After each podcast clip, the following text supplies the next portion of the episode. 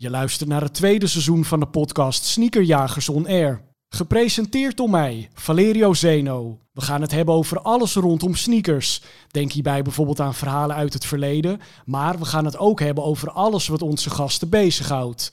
Je kunt onze podcast beluisteren of bekijken en dit kan op Spotify, Apple Podcast en YouTube. Vergeet niet te abonneren zodat jij er elke keer als eerste bij bent.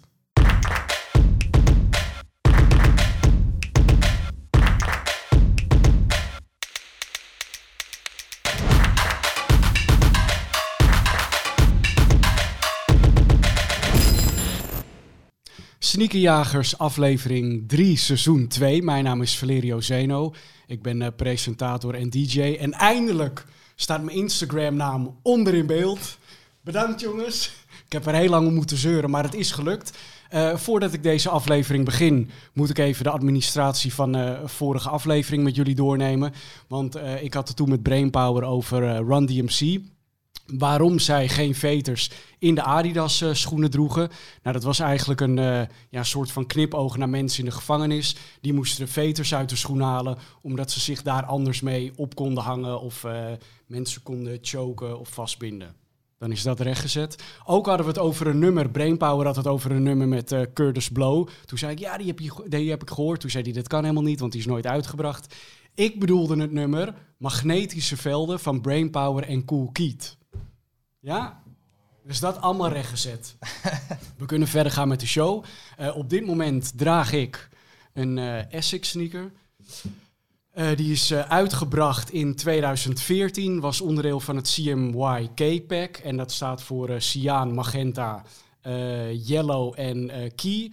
En dan had je dus een zwarte, want Key is zwart. Cyan, dat is een beetje turquoise blauwachtig. Yellow, die snap je. En magenta is een beetje paarsig roze, maar in dit geval was die schoen rood. Uh, de gasten zijn er, ze zijn er allemaal. Godzijdank. We hebben weer een nieuwe co-host, daar kom ik zo bij terecht. Uh, eerst reizen we een beetje naar beneden in Nederland. Dan komen we in Breda uit. En dan zit daar Ted van Epic in Breda. Hallo. Dag Ted, hoe is het? Goed, goed, goed. Ja, goed, ook goed. Uh, allereerst, welke schoen heb je aan? Uh, ik heb vandaag aan, ik zal hem even laten zien, de New Balance 577 sneakers en stuff. Vorig jaar uitgekomen. Ter herintroductie van het model hadden ze uh, drie samenwerkingen. Eentje met uh, Hikmet en High Snobiety. Uh, eentje met Hennen en eentje met sneakers en stuff. Dat vond ik de beste. Dus vandaar dat ik die raffle had gewonnen. En, en, waarom vond je deze de beste? Ik hou van een beetje basic clean schoenen. En deze is gewoon mooie materialen, maar wel een kleur die overal op te dragen is. Ja. En die andere die waren iets meer outspoken, niet zo mijn uh, stijl. Die kleurencombinatie doet me ook een beetje denken aan die eerste Nike Air Yeezy. Dat klopt. Weet je wel? Die bruine nude Precies, en een beetje kleur. dat rozige ja, erbij. Ja, ja, ja, ja, ja Oké, okay, uh, we gaan het straks natuurlijk over je winkel hebben en jouw uh, liefde voor schoenen. Uh, we gaan even naar de andere kant, oftewel lager door Nederland. Dan komen we in België terecht. Dan hebben we namelijk de one and only. Is de eerste internationale aflevering, bedenk ik nu. Uh, Pieter Pauwels uit uh, Brussel, Klopt. van Panthers. Ja. Uh, voor de mensen die daar nog nooit geweest zijn of nog nooit van gehoord hebben. Ja, wat, wat is dat voor winkel? Wel, we zijn begonnen met één winkel in Brussel, die noemde Panthers. Ja. Dat is nu acht jaar geleden. En dan hebben we eigenlijk vijf jaar geleden hebben we dan de winkel opgesplitst in een deel basketbal. Dat is dan een locker room store bij Panthers. Mm -hmm. Daar verkopen we alles van Air Forces, Jordans, maar ook een deel performance. En dan alles wat eigenlijk niet thuis hoort in het basketbalwereldje, daar hebben we dan in een ander Panthers, denk ik, een uh, ja, tien minuutjes wandelen van de locker room store, hebben we dan in Panthers ondergebracht. Oh ja, dus ja. Ik, ik, mag wel Panthers zeggen, want ik schrok ja, Panthers is, van, is, het is Panthers. Het, het, het, hoofd, ja, Panthers is, laten we zeggen, de, de, ah. de moeder en dan ja. locker room is de dochter. Zo okay. kun je het eigenlijk zien. Um, ja, ik kom zo bij je terug. Nee, okay. eerst nog welke schoenen heb je aan? aan? Ja, tuurlijk vergeet dat zo vaak. Anniversary uh, is een paardje van 2010. Ja. Want het is de 25e jaar van de Jordan 1. Die kwam in een heel leuk soort van metalen koffertje. Uh, ja, natuurlijk Jordan 1. Ik heb die nu terug boven gehaald omdat die eigenlijk opnieuw gaat uitkomen. Dus het is zo dat die, denk ik, als ik me niet vergis, binnen een paar maanden komt dit waarschijnlijk zonder de koffer, maar wordt dit opnieuw gereleased. En dan is het nu ja, eindelijk wel het moment om het terug boven te halen, want anders ja, loop ik het een beetje voorbij. Zo. Dus, Ja. eh, ja. Eh, zijn er dan bij die reissue nog eh, kleine details veranderd? Of is het helemaal hetzelfde? Ja, ik heb enkel nog maar de kat gezien, zo het ontwerp. Ik heb de schoen nog niet in mijn handen gekregen, maar ik vermoed dat er altijd wel zijn de kleine details die ze wijzigen om het verschil duidelijk te maken tussen de Van verschillende het is niet dezelfde. Het is niet ja. dezelfde, maar het is dus ook de Silver Anniversary Edition die opnieuw uitkomt. Eh, ondanks dat ik jou eigenlijk helemaal niet ken, Ja. eh, had ik niet verwacht dat jij zo'n schoen aan zou trekken, omdat hij toch, eh, ja, je kan hem toch best wel wild vinden door het zilveren erin.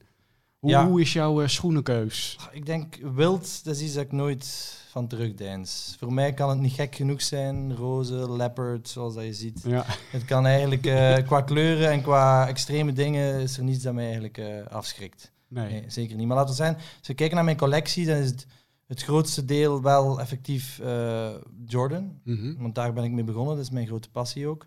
Maar ondertussen ja, is er daar van alles bij gekomen, Reebok-fans. eh, van alle merken heb ik wel wat. Maar het leeuwendeel, zal ik zeggen, van mijn collectie is toch nog altijd Jordan. Maar en heb je dan ook wel eens eh, ooit, want inmiddels ben je natuurlijk ouder dan wanneer je begon met het verzamelen van schoenen, dat je ooit schoenen hebt gekocht waarvan je nu denkt, dat is me toch met terugwerkende kracht eigenlijk wel een beetje te gek. Die draag ik niet meer. Nou, ik denk vooral, ik heb ooit eens een, eh, een trainer Super Bowl-achtig iets gekocht. Eh, en dat was, Was die gewoon... wit met een beetje eh, hoe een Nee, cd zo- eruit ziet? Ik was, was, nee, ik ben verkeerd. Het was deel van de. Nee, sorry, het was een Barkley die onderdeel uitmaakte van de All-Star collectie, waar daar ook de Foamposite in zat. Ja. Dus ik denk dat we nu zitten in 2012, denk ik, februari 2012. En die, ja, met een glow-in-the-dark zool en roze en paars en zo ook een gek mannetje erop, zo'n alien-ventje dat erop Ja, stond. ja, is een beetje, ja, een beetje te kinderlijk als ik het nu nog zou willen dragen. Maar ik verkoop niks, dus hij gaat in mijn collectie blijven. Maar of dat ik die nu nog snel ga aantrekken, dat denk ik niet. Jij niks verkopen? Nee, ja, ik- Nee, maar in de winkel uiteraard wel, anders Ja, zou ik ja, nu al je failliet zijn. Maar, Ja. maar van mijn eigen collectie? heb ik nog nooit iets verkocht. Ik heb al dingen weggegeven. Maar waarom niet? Ehm, Nee, ik, ik, ik, ik, gewoon het hele resell gebeuren vind ik zo jammer. Vaak voor, voor, voor, voor de hele sneakercultuur ben ik misschien een beetje naïef of een beetje te puristisch in. Mhm. Dat vind ik soms zo jammer dat ik op geen enkele manier daar deel wil van gaan uitmaken. Maar ook niet als je op een gegeven moment misschien soms eh, een maat te groot hebt gekocht of eh, Ja, dan je smaak is veranderd. Ja, ik, ik heb daar wel opties voor, maar Ja. nee, ik, ik kan er geen afscheid van nemen. Echt niet. Eens dat ik ze gekocht heb, zijn ze van mij en blijven ze bij mij. Het is een soort van archief dat je opbouwt, dat je dan later nog in kunt ronddwalen en dingen bovenaan. Ah, heb ik nog iets dat ik nog ooit gekocht heb, maar het, ja, ik kan er geen afstand van doen. Nee. Nee. En, en hoeveel paar denk je dat je in totaal hebt? Ik denk, ja, het is tussen 700 en 1000. Zo. Een ruwe schatting, maar ja, ik ben... Oh, die fase ben ik al lang voor. Ja, ik ik blijf gewoon maar ja, opstapelen en opstapelen en opstapelen. En ja, zoals ik net zeg, zo, omdat ik niets kan wegdoen, ja, blijft dat maar toenemen natuurlijk. Hè.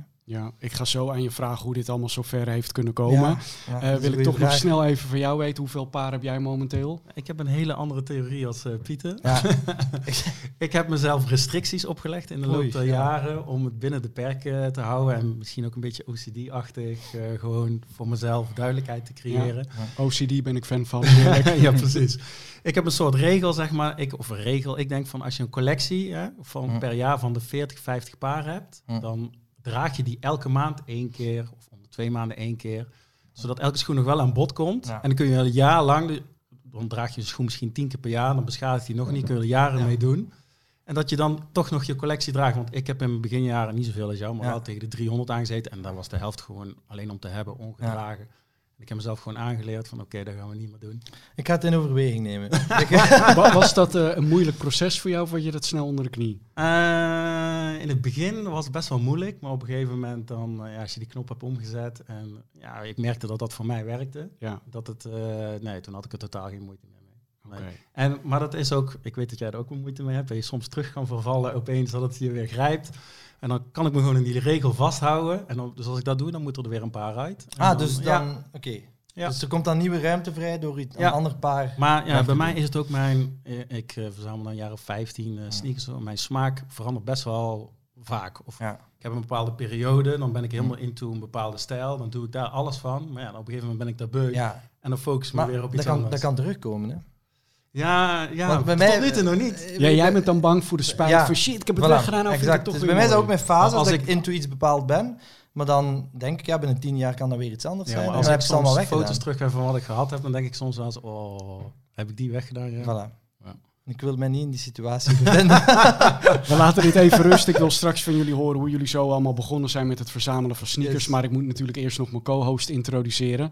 En het is een heel bijzonder verhaal hoe wij elkaar hebben leren kennen. Ja. Want eh, ik kijk ieder seizoen heel erg uit naar de samenwerking tussen Supreme en de North Face. Dat vind ik eigenlijk van het hele seizoen eh, het spannendste wat komen gaat. Vandaag weer. eh, Ja, en ik vond het echt eh, tegenvallen, Ja. maar dat terzijde. Maar daar ben Ja, ik stiekem ook altijd blij, want dan denk ik dat scheelt weer geld. Ja. Maar goed, ik neem je mee naar twee jaar geleden. Er kwam een, een parka-jas uit. Die had je in het goud, zilver en rosé gold. Ik dacht, joh, die gouden parka van de North Face Supreme, die moet ik hebben. Mijn doel is, ik ga donderdag iets voor 12 uur klaar zitten om die ene jas supersnel in mijn mandje proberen te gooien en af te rekenen. Eh waar het niet dat ik de woensdagavond daarvoor een feest had in het Amstel Hotel van Magnum. Die had het hele hotel afgehuurd. Iedereen mocht blijven slapen, gratis drank, gratis ijs, noem maar op. Eh, en ik, werd, ik had een hotelkamer met twee verdiepingen. Het was echt abnormaal. En eh, toen werd ik de volgende ochtend om eh 1 uur wakker nadat ik meerdere malen gekotst had. En het kwartje viel niet meteen. en op een gegeven moment dacht ik, shit, die drop van 12 uur, helemaal gemist. Nou, toen ben ik op, op internet gaan zoeken wie verkoopt nog die Supreme Parka in het goud in maat S. En daar zit hij. Zo hebben wij elkaar leren kennen. Inderdaad. David de Ruiter. Ja. Superleuk dat je er bent. Voor mij een enorme eer. Eh, inmiddels eh, werk jij bij eh, Mercer, hè? Ja, klopt. Schoenenmerk. Yes. Hoe ben je daar zo terechtgekomen? Ehm, dat begon eigenlijk via een Facebook-platform dat ik had. Ehm, ik ben in 2015 met een Facebook-platform begonnen. Dat heette Yeezy Talk Nederland. Ja. Daar wilde ik alle Yeezy-jongens die dat helemaal geweldig vonden, wilde ik daar in een community brengen. En waarom eigenlijk? Nou, omdat ik merkte dat die jongens daar dan... Ik lag voor de winkel en eh, weet ik nog wel in 2015 bij Four. eh, voor die, ja, ja, ik heb dat één keer gedaan in mijn leven. En dan dat, nee, daarna echt nooit meer. Was bij Four in Amsterdam. En waarom eigenlijk nooit meer? Ja, gewoon, ik was daarna gewoon, ik was misschien ook nog jong, ik was 16 op de- destijds. En ehm, ik weet nog wel dat ik gewoon drie dagen lang gewoon een soort halve jetlag had. ja, misschien een beetje, misschien een beetje kinderachtig, een beetje triest, maar eh, dat gebeurde toen echt. Dus ik kon echt niet meer slapen. En ik wilde dus die jongens in een, eh, in een sneakergroep eigenlijk, want ik, mer- ik eh, kende ze daar dan. En dan ging je met elkaar afspreken. En dan dacht je, nou, in die community wilden we ook niet resellen en dat soort dingen. Nou, dat gebeurt toch. Nou, ik blokkeer iemand uit die groep. Blijkt dat de eigenaar van Meurs Amsterdam te zijn. Dus hij zegt, Pik, als jij mij, uit die, als jij mij terug in die groep stopt, Ja. krijg jij een paar sneakertjes voor mij. Ja. Nou, dat is goed. Dus ik zeg, eerst die sneakers opsturen en dan stop ik je wel terug in die groep. Ja. Nou, dat gebeurde. Ehm, fast forward, ik eh, ging naar het vierde jaar van het hbo. eh, moest mijn scriptie schrijven. Ik dacht, nou, dat doe ik voor Meurs Amsterdam. Eh, dat gedaan en eigenlijk sinds 2017 nooit meer weggegaan. En wat was bij je scriptie dan je onderzoeksvraag? Ja, dat ging over hoe we dan de, het marktaandeel zeg maar, bij, eh, ja, een beetje saai, bij Belgische en bij Franse retailers eh, konden krijgen. Dus de producten van ons, dus onze schoenen. Ja. Dat is toch een heel ander dingetje. Want dat zou je misschien ook wel denken van eh, het zuiden en het noorden van Nederland zo'n verschil. Maar bijvoorbeeld ehm, eh, België en Nederland nog een veel groter verschil cultureel gezien. Althans, dat eh, kwam dus uit mijn onderzoek naar voren. Misschien eh, zou jij het weer leggen. Ik ben ermee Ehm, akkoord. Dus, eh, dus nee, zo ben ik daar terecht gekomen. En eh, nu doe ik daar eigenlijk eh, brandmanagement en eh, alle samenwerkingen. En kan je dan uitleggen wat je precies doet? Dus over het algemeen is het eh, meer marketing. Dus eigenlijk gewoon campagnes realiseren. Eh, en met samenwerkingen doe je eigenlijk 0 tot 100. Dus we hebben bijvoorbeeld eh, met NASA een samenwerking gedaan als eerste sneakerbrand toen in 2018. Dat was met die hele koffer erbij. ja, klopt. Ja, ja, klopt. Dat was in eh, 2018 september. En dat werd gevolgd daarna door Vans. Nike deed dat toen met eh, Paul George. En eh, later zelfs Puma heeft het ook nog eh, gedaan. Dus dat was wel een hele eer. Jammer dat het nu ook bij de Zara en bij de H&M ligt, die sneakers. Maar dat Aan het eind van de dag komt het daar altijd weer terecht. Exact, maar het voelde wel leuk, zeg maar, toch als kleine brand, zeg Ja, maar. zeker. dat je toch eigenlijk een keertje hun voor was of zo, weet je Ja. wel. Dat Ja, want wel- ik weet nog toen de tijd zag ik dat geloof ik op Hypebeast en zo Ja, voorbij klopt, komen. Maar hoe is die samenwerking tot stand gekomen? Nou, dat is eigenlijk... Want ik zou denken, NASA gooit bij volbaat de deur dicht omdat ze denken, ja, wat moeten wij met gimpies? Nee, precies. Dat is, in principe is het, ehm, ja, is het government owned. Dus dat betekent gewoon dat het een logo is waar je natuurlijk geen geld op mag verdienen. Ehm, en dat was destijds nog niet zo heel erg bekend, dat verhaal. Dus ehm, je moet wel de juiste mensen daar kennen. Zoals toevallig dat uh, Pim, uh, de eigenaar van Mercer, die kwam bij Kit. En die zag daar dus een oude man, een hele oude man zitten met Hiram Preston. En die had, voordat wij die schoenen hadden, had hij die kleding, die shirtjes had hij, jassen en, uh, en, en, broeken. Dus Pim die dacht van, nou, wie is dat, weet je wel? hij zag allemaal samples daar liggen in Kit. met dus dat van Hiram Preston, dat is 2017 geweest. Dus Pim dacht van, nou oké, ik ga wel met die man praten. Wie is dat? Nou, bleek die man van NASA te zijn die de licenties uitdeelde. Ja, dus heel toevallig dat verhaal, maar uh, wel heel leuk. Dus een jaar later met uh, echt zulke, zulke brieven en pakketten wat je moest tekenen. Als je ook maar één kleurtje verschil doet van het kleur rood van het logo, gaat het niet meer door. Je moet alles opsturen. Uh, maar zo is dat eigenlijk gegaan. En was er dan tijdens dat proces nog iets gebeurd waardoor het even kantje boord werd of het wel doorging of niet? Ja, zeker. We hadden bijvoorbeeld uh, de A en de S. Want NASA heeft twee logo's. Dat uh, bekende blauwe logo. Ja. En ze hebben ook dat worm logo. Dat is dat rode logo wat zeg maar, in zeg maar doorloopt. Alleen die A en die S, die zijn connected, die zitten aan elkaar vast. En wij hadden dat dus niet in die sample. En toen was die man dus zo boos geworden. Die zei van, ja jongens, jullie moeten gewoon een productierun van 500 paar vernietigen ja, dus wij hadden geluk dat we nog alleen een sample hadden gemaakt. Uh, anders dan was dat wel best wel kloten geweest. Zo, ja. Um, ik heb dus het idee dat jij het uh, in de modewereld, schoenenwereld, dat jij het heel ver uh, gaat schoppen. maar wat, wat zou je zelf graag willen? Goh, dat is een, dat is een lastige vraag. Je put me on the spot. Um, maar je zit vast wel eens te fantaseren dat je denkt, ah, dat zou tof zijn. Stel, alles mag ja, uiteindelijk zou het natuurlijk vet zijn om gewoon ook um, ja, je eigen ding te kunnen doen van 0 tot 100. Bijvoorbeeld wat ik heel erg vet vind van jullie is dat jullie een eigen winkel hebben. Dat vind ik ook super tof. En ik weet niet of jullie ook eigen lijnen van uh, kleding of van uh, schoenen aan zitten denken, collabs of zo. Dat lijkt me echt wel een super mooi iets om te realiseren. Gewoon van 0 tot 100 iets, uh, iets moois maken. Ja, uh, nou heeft inmiddels jouw uh, Instagram-naam ook onder in beeld gestaan, dus mensen kunnen dat even checken. Ik zie soms ook dat jouw uh, Instagram-foto's opgepikt worden door andere kanalen. Ja. die gaan soms best wel hard. Ben je daar heel bewust mee bezig of hoe gaat dat? Nou, weet je, ik ben niet zo'n influencer-type hou ik niet zo erg van, van heel dat wereldje. Um, soms heb ik uh, sneakers, want naast Mercer ben ik ook uh, altijd al sneaker-fan geweest. Ik uh, weet nog wel dat ik in 2011 bij Woei binnenkwam. En toen hadden ze alleen nog maar een Tumblr-website. En dan dacht ik van, nou, ik zag een schoen staan, de Jordan 7 Bordeaux. Ik dacht, die wil ik hebben. Zes maanden na release. Dus ik tof, 14 jaar oud of 12 jaar oud, weet ik veel. Ik ga naar Woei toe. Ik zeg, ik wil die schoen hebben, Woei. Wat wil je toen Jordans? Uh, ja, ja, ja, die had toen een 7 en hij had volgens mij ook, ik ben de naam vergeten, dat een 7 was een witte met uh, rood en blauw accent op de zool. Ja, ja. Die kwam toen ongeveer rond dezelfde tijd. Geweest, nee, nee, dus um, ja, ik zie hem, maar het is niet... Je weet ook, ik bedoel ja. inderdaad, ja. Het zijn een beetje, echt die woeikleuren eigenlijk, een beetje dat rood en dat uh, blauw. Een beetje meer roosachtig. Dus hij zegt, ja jongen man, ga lekker weg joh die zijn al een half jaar weg. Je weet hoe je misschien, ik weet niet of jullie kennen, maar dat, Zeker. Die zet je wel even op je plek. Ja. Dus uiteindelijk ben ik met een paar uh, Air Max One uh, Kelp ben ik, uh, teruggekomen. Dat was een heel mooi, beetje wheat bruine bovenkant. Witte midsole en dan met een heel mooi roze outsole, zeg maar. Was, super, was echt wel super tof. En van toen is het eigenlijk gaan, gaan groeien bij mij. En toen die sneakers, ja, Yeezys, mooie Jordans... Um, en als je dat dan post, dan ja, soms dan pikken ze dat op. Maar ben ik niet zo bewust mee bezig. Nee, je fotografeert ze gewoon en als het opgepikt wordt, is het mooi meegenomen. Ja, precies. Uh, nou, omdat jij de co-host eh, bent, mag jij bepalen waar we het over gaan hebben. Is er een onderwerp wat jou onlangs is opgevallen? Ja, en ik vind het wel heel leuk. Uh, net voordat we de aflevering begonnen, hadden de twee heren het erover dat ze basketballers zijn. Ja. En wat ik dus heel interessant vind de laatste tijd, en ik kan me er gewoon echt niet, ik kan er gewoon niet over uit, is, ik heb ze zelf ook aan en jij ook, een Jordan 1. Maar wat dat opeens is, vroeger weet ik nog wel dat mensen de Jordan 1 mids echt niet moesten hebben. Mm.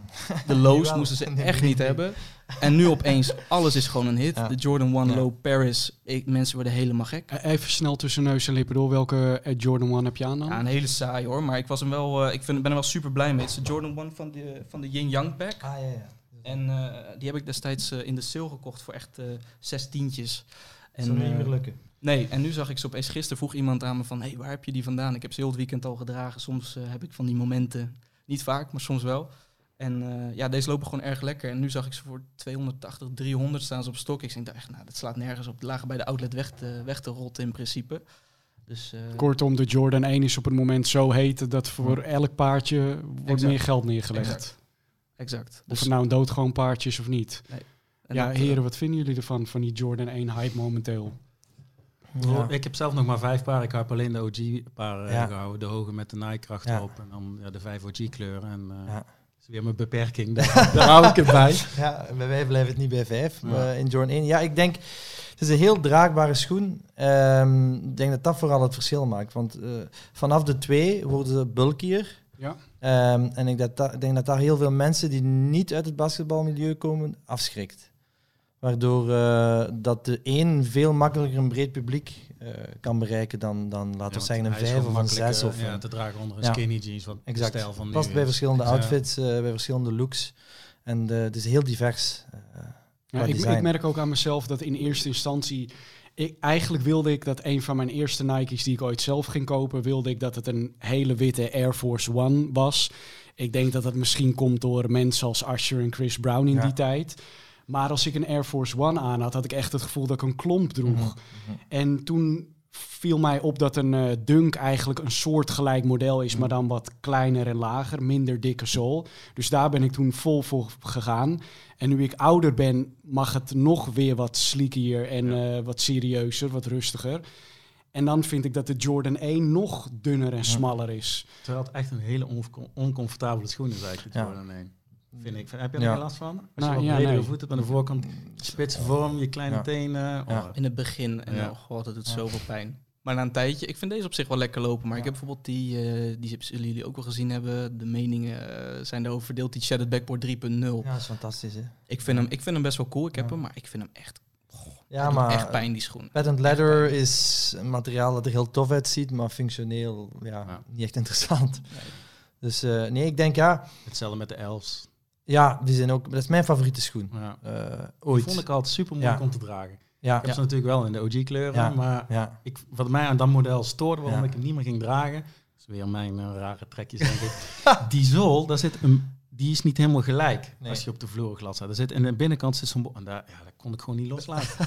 Kon ik gewoon niet loslaten. wat, wat gebeurde er dan? Liep die anders of hoorde Nee, nee, iets maar ik, ik vind het gewoon mooi als ik dan naar die schoen keek, dan, dan stoorde ik me eraan dat die, niet, die zool niet recht Ah, ja. was, dat er die bobbel in zat. Ah, door die carbon fiber plaat. Ja, die daar ja, in de ja, ja, precies aan de ja, ja, binnenkant. exact, Ja. ja. Ja. Dus ja, gewoon een tik van mij, ik, ik Ja. kon er gewoon niet, eh, ik kon er niet handelen.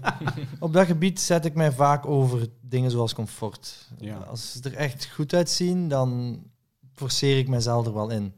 Het is ook niet dat ik ze dan afdraag. Dus dat is dan één dag dat ik een beetje pijn in voeten heb. Maar het is één schoen dat ik niet kan dragen, omdat ik er altijd blijden in krijg. En dat is de blazer. Dat lukt me niet. Want ik krijg gewoon na een halve dag is mijn enkel aan het bloeien. Dus dan, ja, dan is het wel voor mij een signaal van het te stoppen en dan niet meer te dragen. Dus dat is de enige schoen. Voor de rest, ja, als je voor comfort gaat, dan, ja, dan draag je een Ultra Boost of een Ja. Flyknit. Ja. Nou, nou hebben we inmiddels eh, eh, een soort van verklaard waarom eh, de Jordan 1 dan nu zo heet is en waarom iedereen hem draagt. Maar wat vinden jullie daarvan? Stoor je je daaraan? Kan het je niks schelen? Nee, ik- wij kijken er op twee manieren naartoe, als Ja. ondernemer en als naar liefhebber. Hm. Eh, ja, ik kan, me, ik kan je er wel aan storen dat iedereen zo hypegevoelig is, maar ja, ik heb dat al lang geleden losgelaten, zowel eh, als liefhebber als eh, ondernemer. Van, je moet gewoon accepteren zoals het is en het verspilde moeite om je daar druk om te maken. Dus ik kan me daar echt Nee. totaal niet aan, eh, aan, aan storen. nee. Nee. Toch heb ik het gevoel dat het bij jou iets gevoeliger ligt. Nee, in tegendeel zelfs. Het maakt mij heel blij.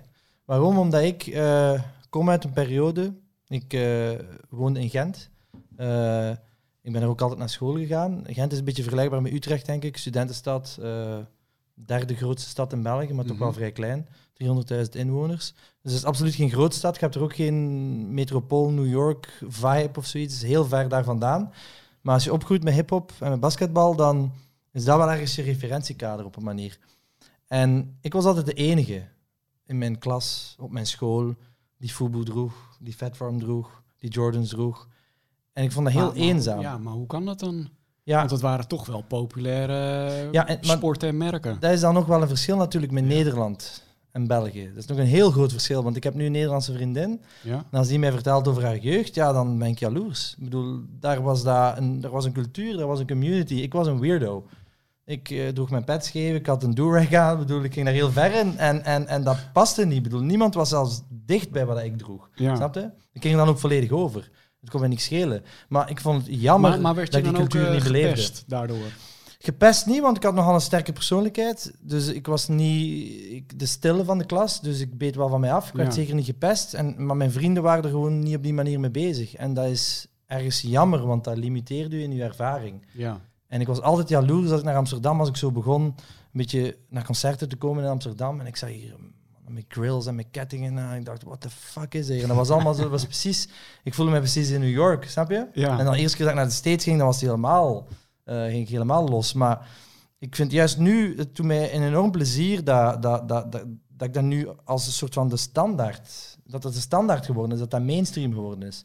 Puristen kijken daar vaak zo een beetje negatief. Ja, maar, Ja. maar ik, ik, ben niet, ik wil niet in een, een, een exclusief snobistisch clubje zitten. Ik vind het juist tof dat mijn cultuur, waar ik mee opgegroeid ben, die voor Alleen mij zo belangrijk was, geworden. nu de, de, de mainstream is. Ik vind dat Ja. fantastisch. Dus eh, in die zin ben ik alleen maar blij. Laat iedereen Jones 1 dragen. En eh, ik verdien er nog iets mee, dus is alleen maar mooi. Maar en in die tijd, eh, wat, wat voor stijl droegen jouw klasgenoten en je vrienden dan? Wel, ik zat op een...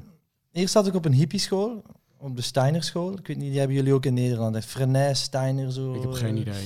Alternatief eh, leraren die... Als het op school eh, aankomt, moet je mij eh, niks Wel, vragen. leraren die, die, die op, op, op, op yoga, stage Ah, ja. vertrokken en van die ja, vrijzinnige Ja, ja, hippie ja. toestanden. Eh, dus dat was dan heel alternatief.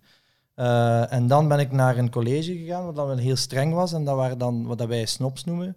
Dus die droegen dan eh, Polo, eh, Tommy Hilfiger, Napaperi, Scappa. Dat waren zo de merken daar van toen. nog wel een grappig verhaal over. Van Scappa. Nee, nee, over eh, Van, van, groepen en kleding. van die stijl, en, ja. En dan natuurlijk, ja, dat was op, op, op die hippieschool, ja, doe iedereen wat hij wil. Dus dat, dat, dat, dat maakt niet zoveel uit. Maar dan zeker op die, op die strengere school was ik, ja, de weirdo, hè. Op Maar, van hoe, kleding. hoe kwam het dan dat jouw interesse daardoor gewekt werd?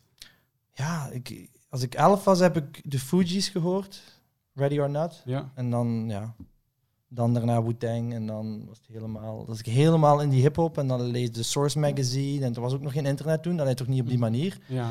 Dan zit je dat te bestuderen, waarom dat mensen daar vier Rolexen aan hebben. En dan, ja, dat vind ik allemaal heel tof. En wanneer je al die merken kennen, dan begin je te zoeken naar die merken. Dan vind je die nergens. Dan ga je naar Parijs, aan Les. Dan, ja, dat is semi-fake, semi-echt. Maar bon, daar hadden ze die merken, dus dat was, al, dat was geweldig voor mij. Dan ben ik helemaal losgegaan. En dan gaat het eerste keer naar de States als ik 18 was. En dan verdiep je helemaal in een cultuur, maar een cultuur die totaal niet aanwezig is in uw stad of in uw school of in uw, in uw beperkte cirkel waar je in leeft. Maar het voelt bijna alsof je een soort eh, geheim ontdekt hebt waar je alles van wil weten. Ja, dat, is het, dat was het ook op dat moment. En dan, ik zei het om nu te zien dat dat de, de, de standaard is, allee, standaard, de, de mainstream popcultuur eigenlijk geworden is.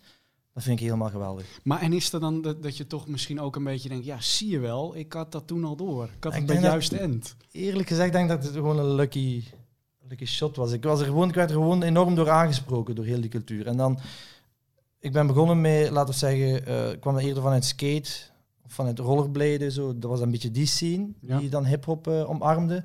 Maar dan later, als ik dan 13 was, ben ik vrij laat beginnen basketten. Als je dan basketbalcultuur ontdekt en dan in die link, dat is, ja, dat is fantastisch. Alles komt samen zo. Maar en was het dan niet zo dat de mensen die eh basketbalden, dat die dezelfde kleding droegen? Nee, absoluut niet. We zijn gisteren nog gaan kijken naar eh, een NBA-wedstrijd. We hadden het er net over, de Clippers tegen de Lakers. Die werd uitgezonden in Kinepolis, een, een, een cinemacomplex. En ja, ik en mijn, vriend Nigel liepen daar rond van ja, deprimerend hoe, hoe, hoe allee, vooral in Vlaanderen dan, hoe, hoe slecht dat basketballers gekleed zijn en hoe weinig dat te maken heeft met, met de Ameri- Amerikaanse, eh, het Amerikaanse deel van die cultuur. Ja, Totaal maar ik niet. denk ook dat wat je zegt nou met die Jordan 1, die mensen die dragen die schoen niet vanuit basketbal Nee. hoor. Nee, nee, nee, staan totaal niet. Tegenwoordig los van elkaar. En Nee. vroeger, in onze tijd, was het echt zwaar connected met elkaar. Ja, Ja. maar ik weet niet of dat, dat in Nederland was. Want in Nederland, laat het zijn, zag je, behalve dat iemand groot was, dat het een basketbalspeler was. Bij ons zag je dat totaal niet. Ja, ik ben weer van een generatie voor jou. Dus Ja. voor mij is het dan ook weer anders, denk ik, als Ja. een, eh, de generatie na mij eh, geweest. Dus ja, Kon, je, kon je dat zien als je iemand op straat zag rondlopen? Zei ja, dat is een basketbalspeler. Zoals dat je ziet, dat is een skater, dat is Ja, maar een, ja. goth of dat is een whatever. Dat soort was van ons in de tijd. Ja, je had wel hip-hop als, ke- als, eh, als subgenre, zeg maar, Ja. waar mensen zich kleden. En daar zaten wel basketbal-elementen in. Maar ja, in, wat je, in mijn basketbalteam, ik was ook de enige die, Ja. eh, die Ja. echt zo gekleed was. Dus was ook de eenzame weirdo dan. eh. Maar ja, dat viel gelukkig wel mee. Er waren een paar die, die het wel in hetzelfde hoekje zaten, Ja. zeg maar.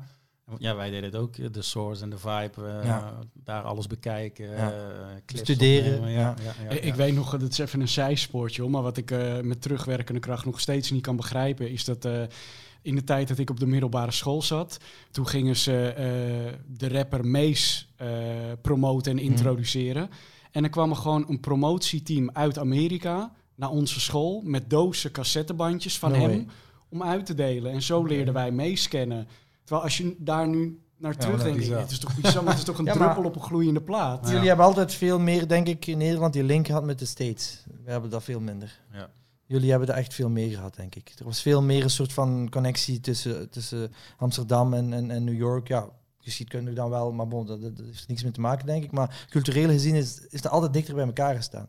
Maar Dus- moest jij wat dat betreft België dan al vroeg ontvluchten om aan sneakers te komen? Ja, absoluut. Ja, En waar ging je dan heen? ja Parijs, eh, Nederland, Amsterdam, Rotterdam.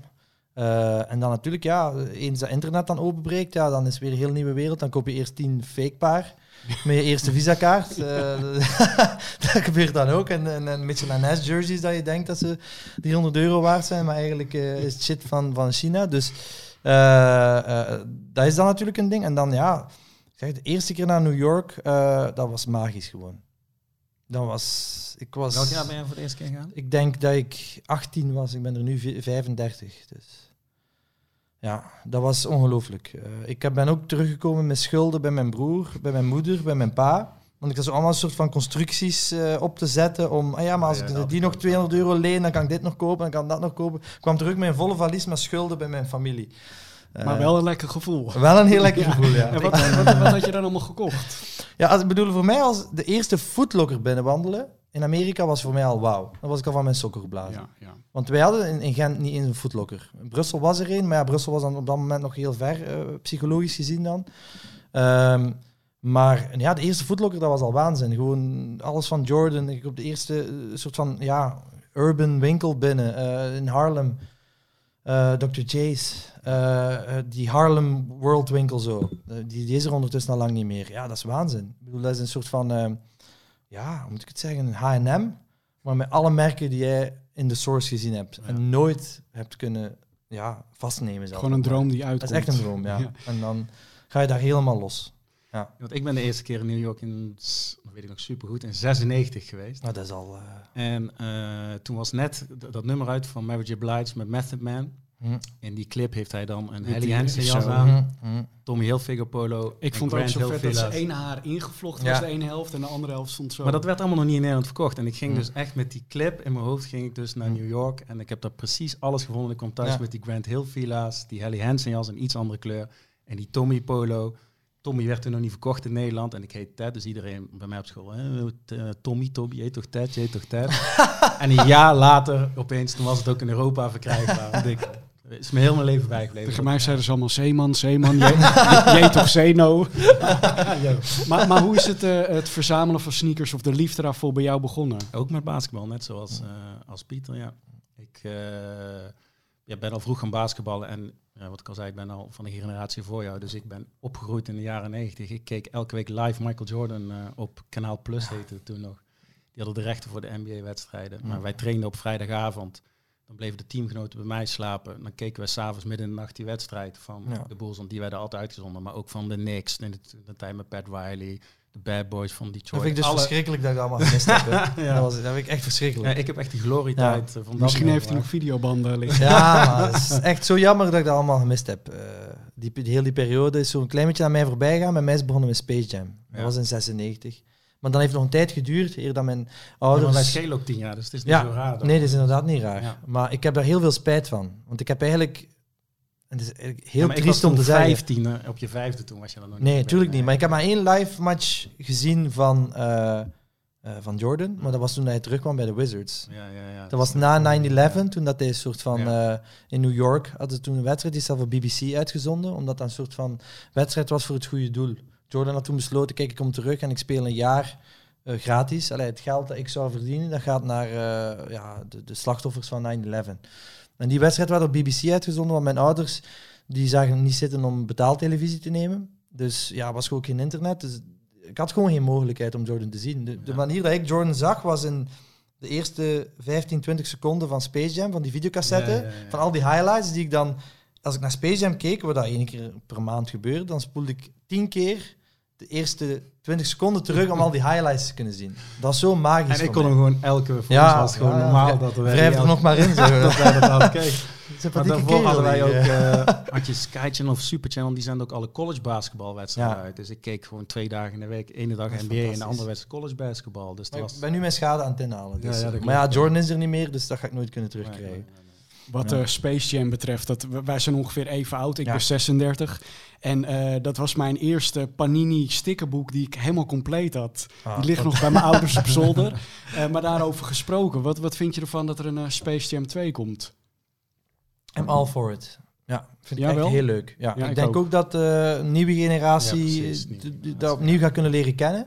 Uh, en dan misschien ook gaat interesse krijgen in de eerste. En dan zo opnieuw Jordan een beetje gaat ga, ga ontdekken. Want uh, laten we zeggen, de connectie tussen de, de 16-jarige consument van vandaag en Michael Jordan, de persoon, is heel ver te zoeken. En dat kan je ook niet verwachten. Ik bedoel, dan kunnen mensen van 50 zeuren tegen mij dat ik niet, niet de, de link leg tussen uh, Converse Weapons en Larry Bird. Ik bedoel, ja, ja. ja, zo kun je altijd verder teruggaan in de tijd en eindigen bij, bij, bij Converse Chucks en dan weer die spelers die daarmee spelen. Dus we moeten daar niet zuur over doen dat jonge, jonge mensen Jordan niet meer kennen.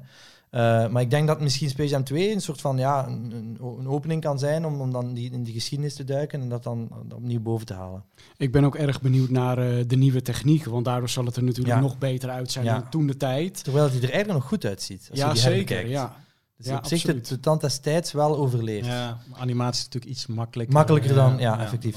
Dan naar Indiana Jones nu kijken is weer... Uh, ik heb er vorige week nog naar gekeken en nee. Dat is niet meer hetzelfde. Maar en wat vind je dan van de, de nieuwe tenuutjes die onlangs uitgebracht zijn van de Monsters en Space Jam? Nou, dat is super, super vet. Ja, echt. Ja. Ook ik, ik vond alleen bij de Space Jam uh, tenuutjes die WhatsApp Dog hier. Dat was niet nodig. Nee, dat was ja, precies. Nee.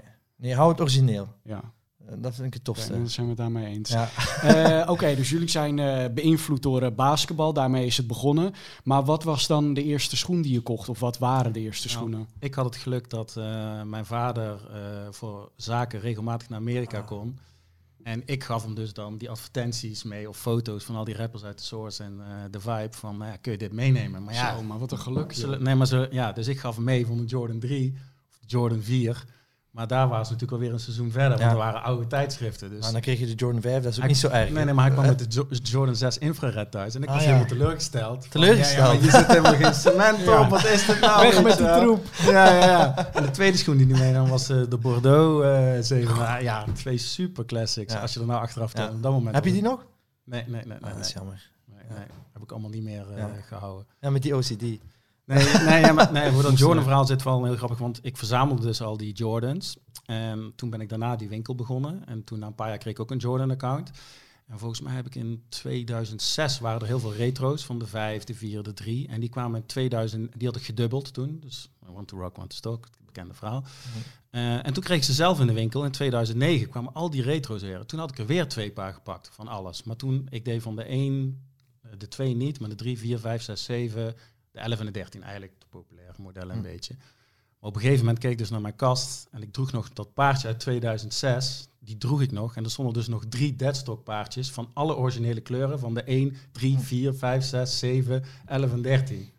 Dus er stonden, nou, ik denk 80 paar dat nooit aangeraakt is. Toen dacht ik, ja, waar ben ik mee bezig, man. Dat is ook niet erg. Toen had ik net een nieuw huis gekocht ah, en heb ik die spullen verkocht. Wel, ja. En uh, daar heb ik de inrichting van gekocht. Ja, ja, En nog blij met de inrichting? Maar hopen we wel. ja, ja, ja.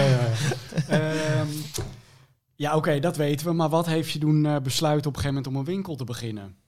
Ja, dat is eigenlijk hetzelfde wat Pieter vertelt. Ik ging al uh, heel Nederland door. Uh, ja, ook elke één keer per maand naar Amsterdam. Om daar sp spullen te kopen, kleding. Toen nog bij Rhythm Import.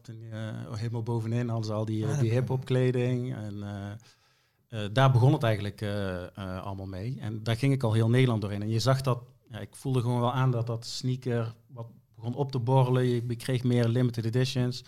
2006 zitten, zitten we met het verhaal nou. En toen heb ik volgens mij in 2007 ben ik open gegaan. En volgens mij heb ik een ondernemingsplan geschreven in november 2006. En in mei 2007 was ik al open. Een half jaar later was ik gewoon open. En toen een half jaar later kwam de crisis, maar dat is. Maar en, eh, hoe zou je jouw winkel toen de tijd omschrijven? Wat voor stijl? Eh, ja, het was echt een sneaker eh, store. En van de bekende merken waren toen de tijd kwamen net de eerste kleine lijntjes van eh, wat special editions en wat kleinere merkjes die dan eh, ja, daar graag bij wilden liggen. Dus echt in de, de begintijd, ja, 13 jaar geleden bijna. Dus, eh, Maar en was Breda daar toen de tijd wel klaar voor? ja, dat gevoel had ik wel, want ik merkte wel dat er veel mensen om me heen waren die wel altijd naar mij keken, "Oh, wat heb jij dan, of ermee bezig waren. En ik zat veel op internet en in Nederland, ik weet niet of jullie, ik denk voor jullie dat je had ML75. Ja. Dat was een, eh, een soort forum, Weet je nog waar het voor eh, staat, ML? Nee, ik heb het toevallig van de week nog met iemand over gehad. Van wat was het ook alweer? Eh, maar er was dus één chatroom, zeg maar. Want het was niet echt een forum, want het was gewoon iedereen post van elkaar. Dat was de Sneaker Home. En daar gingen de hele dag alleen maar mensen die over met dezelfde dingen als ik bezig waren. ja, de hele dag daarover praten. Foto's droppen. En eh, ja, het zijn allemaal die, ja, bijvoorbeeld eh, de andere gasten die nu de andere show hier Maar je zegt, je zegt foto's hè? Bedenk nog even hoe dat toen ging, hè? Met zo'n digitaal cameraatje Nee, nee, nee, nee. Image check. Moest je eerst daar uploaden en dan die link moest je in het forum droppen en dan kon iemand er pas aanklinken.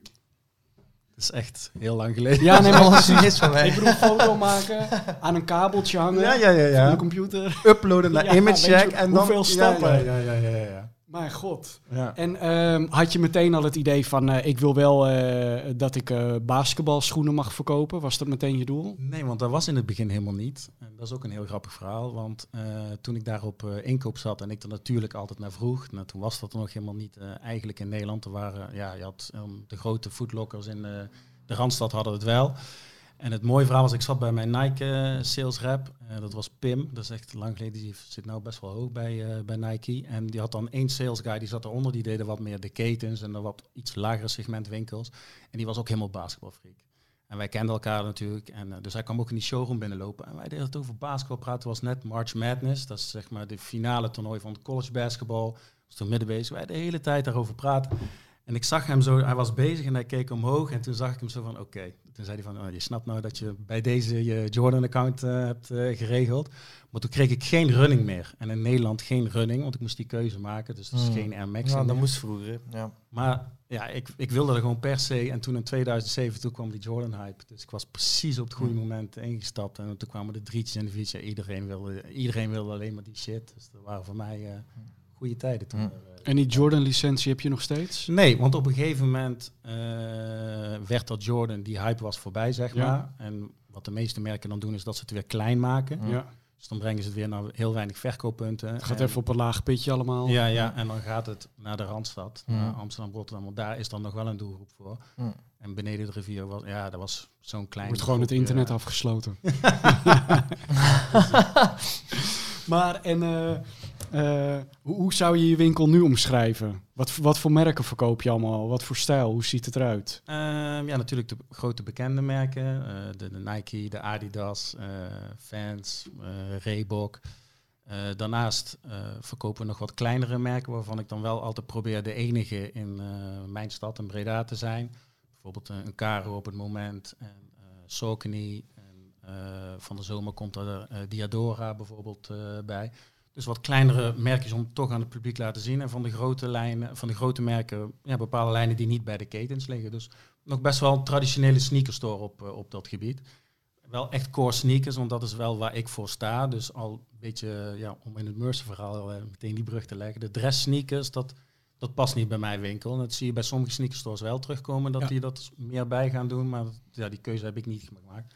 Dat staat iets verder van me af. En ik, ja, ik heb gewoon gemerkt in de loop der jaren dat als ik ergens over, enthousiast over ben, dan kan ik dat overdragen aan mijn klanten en dan Ja. verkoop ik dat beter. Ja, ja, ja. Zo werkt het wel. Ja, vind ik ook. Ja. Maar jij zei dress sneakers? Ja. Eh, ja, de sneakers die we nou omdraaien zijn echt sportsneakers. Ja. Dat zijn, die zijn eigenlijk ontstaan met het primaire doel toen de tijd om mee te sporten. Die New Balance die ik aan heb, was vroeger een hardloopschoen. Jordan 1 was een basketbalschoen. En eh, er zijn toen wat merken op ingesprongen. En die hebben eigenlijk een soort tussenbalans tussen het hoge segment en eh, de sportsneakers eh, gevonden. En dat noemen ze een dress sneaker. Die ziet er sporty uit. Maar die kun je ook bewijzen dragen naar je werk. Die is iets dressier. De dress sneaker. Ja. Klopt wel. Ik heb weer wat geleerd, zeg. Echt waar? Ik kende die term niet. Pieter, eh, wanneer Ja. begon jij je winkel en waarom? Winkel begon in 2011 in Brussel, terwijl we eigenlijk, mijn broer en ik doen het samen, terwijl we eigenlijk afkomstig zijn van Gent. Ehm, ja, waarom eigenlijk? Op mijn zestiende, ik was toen we begonnen met de winkel 26, dus tien jaar eerder, zo een beetje begint na te denken van wat gaan we met ons leven doen en wat wil ik nu eigenlijk, had ik echt al voor mezelf beslist, ik wil sowieso ondernemer worden. Ik wil zelf iets neerzetten, iets dat gelinkt is aan mijn passie. Ik wil daar trachten mijn beroep van te maken. En dat is dan ja, along the way, gedurende die tien jaar, eh, vaak veranderd van, van, van, van concept. Het was altijd een winkel, maar ja, wat ik daar precies in ging verkopen, evolueert natuurlijk met de stijl. En welke concepten passeerden allemaal de revue? Ja, ik denk dat vooral vroeger heel ja, Rockaware Fat Farm-achtig hip-hop wear was, zal ik maar zeggen. Gelukkig heb ik dat nooit gedaan, want dat was hoogstwaarschijnlijk geen succes geweest. Um, om dan uiteindelijk te komen tot uh, uh, een sneakerstore in combinatie met kleding. Maar toen destijds ja, de, de hundreds en zo, dat waren zo'n beetje de merken. Uh, Diamond, de glorie. Uh, dat waren de merken die toen het, het zo wat deden. Um, en dan denk ik twee jaar, dus in 2011 begonnen, twee jaar later hebben we dan een winkel in Gent geopend. Uh, omdat we zo in ons idee wouden we eigenlijk zo een beetje alle de vier belangrijkste steden van België aandoen. Um, om dan in 2015 kwamen we op een punt dat eigenlijk zoals, zoals je net aangaf van ja, het is ofwel running ofwel basketbal. Dat was toen een heel duidelijk onderscheid. Het was, het was in Nederland opium of het was pata. Ja. Je, je moest kiezen. Nu is het weer allemaal verwarrend, als wat ik nu aan het vertellen ben. Maar op dat moment was het een heel duidelijke keuze. Uh, maar ik wou geen een van beide opgeven. Dus dan heb ik maar gezegd, oké, dan splitsen we het op. Dan maken we de, de winkel die we nu hebben, Locker Room bij Panthers. Een beetje een House of Hoops, maar dan op uh, independent niveau. Ja. Uh, waar dat Footlocker dan de moeder is en House of Hoops de dochter, zal ik maar zeggen. Um, en dan uiteindelijk hebben we, oh, ik denk uh, ja, deze zomer, ja, is het, is eigenlijk heel recent, hebben we dan Gent gesloten, omdat wij weer, kom weer in jouw verhaal terecht, uh, ja, als je niet in de Benelux dan, in Amsterdam, Rotterdam, uh, Brussel of Antwerpen ligt, dan is het moeilijk om samen te werken met Nike en met Adidas. Die andere merken is een ander verhaal. Maar die grote merken die leggen echt die focus. Dat zijn de vier steden die tellen, dat zijn de vier steden die, die, die, de, leuke producten krijgen. En dan als je nog doortrekt, ja, dan, dan is het uh, nog, op een nog een hoger niveau, is het, spreken we dan over Parijs, Londen, Barcelona. En zo werkt die hiërarchie. Ja. Um, en dan was het voor ons, we gingen net Gent verbouwen, want die was vijf jaar open, dus we wilden dat verfrissen. Maar dan hadden we het idee van, kijk, dat, dat, dat slaat eigenlijk nergens op. We gaan, we gaan, dat gaat geen meerwaarde zijn, want we gaan toch geen extra niveau krijgen of toch geen extra allocaties, toch niet meer paren krijgen dan dat we nu krijgen. Dus dan hebben we gewoon besloten om die, uh, om die te sluiten en de volledig te focussen op Brussel. En daar hebben we nu dus Locker Room en Panthers. Um, hadden jullie toen de tijd ook al, wisten jullie dit al toen jullie in Brussel gingen beginnen? Nee, totaal niet. Nee. Je koos gewoon Brussel, want je dacht, ja, grote stad. Het is eigenlijk zo, ik, ik, ik, ik studeerde handelswetenschappen aan de universiteit en mijn, uh, mijn eindproefwerk, dat was uh, eigenlijk een businessplan. Um, en daarin had mijn, mijn, mijn, destijds mijn docent had toen gezegd van ja, zoiets lijkt, ondanks het feit dat hij er niks van kende, maar wel zo'n gevoel had van ja, dat is echt iets voor een grootstad. Daarvoor is Gent te klein, want ik denk aan Gent, want Gent is mijn stad, daar ken ik iedereen, daar, daar, daar ben ik thuis.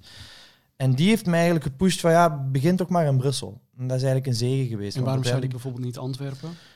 Antwerpen, omdat toch, ja, Brussel is dubbel zo groot dan Antwerpen puur dat. En Brussel is ook een, een, een, een Europese stad, is, is een metropool meer. Uh, Antwerpen is, is, is, is, laten we zeggen, een gezellige winkelstad, maar heeft ook dat grootstadgevoel niet zoals dat Brussel dat heeft. En ik ben heel blij dat ik die keuze gemaakt heb, want anders had ik er misschien niet meer gezeten. Alleen toch niet meer in hoedanigheid als, als, als shop-owner. Um, want ja, Brussel is echt wel de basis van, van het succes van wat we doen. Die stad is echt... Ik ben er ook verliefd op geworden. Ik, ik kom van Gent, maar ik, ik, identificeer me veel meer met Brussel. Ik heb spijt dat ik daar eigenlijk niet geboren ben. Daar ben ik heel eerlijk over. Ik had nog liever in New York uh, geboren, maar bon. Waarom heb je dat er niet gedaan? Op Belgisch niveau uh, zou ik dan toch liever Brussel hebben ten opzichte van Gent. Gent is een toffe stad, maar het is heel klein. Het is ook heel, heel... Ja, het is een, een dorp meer zo. En, en bedoel, wat ik daar op straat zie, waar ik helemaal gek van word, is Vega uh, en um, Dr. Martens. Dat is alles wat ik nu zie. En iedere dag vertrek ik met een boos gevoel naar Brussel. Godverdomme, weer al een Vega, weer al een dokter. Maar dan rijd ik zo, al, al morrend en, en een beetje roepen tegen mezelf, rijd ik door de straat op en kom ik in Brussel, in het beloofde land, waar iedereen leuke stickers draagt. Je woont nog nu... steeds wel in Gent? Wat zeg je? Je woont nog wel in Ja, ik, woon, ik heb een tijdje in Brussel gewoond, maar nu ben ik terug verhuisd naar Gent, ja. Ja, omwille van, van familiale redenen. Maar uh, als ik, ja, Brussel is echt de stad waar ik mij toch meer mee identificeer. Ja, nou, nou heeft jullie winkel een hele duidelijke stijl. Ik weet nog, ik kwam daar voor het eerst binnen. Alles was oranje. Het was echt alsof je bij een uh, eh, NBA-team in de kleedkamer kwam. Allemaal van die kluisjes en zo.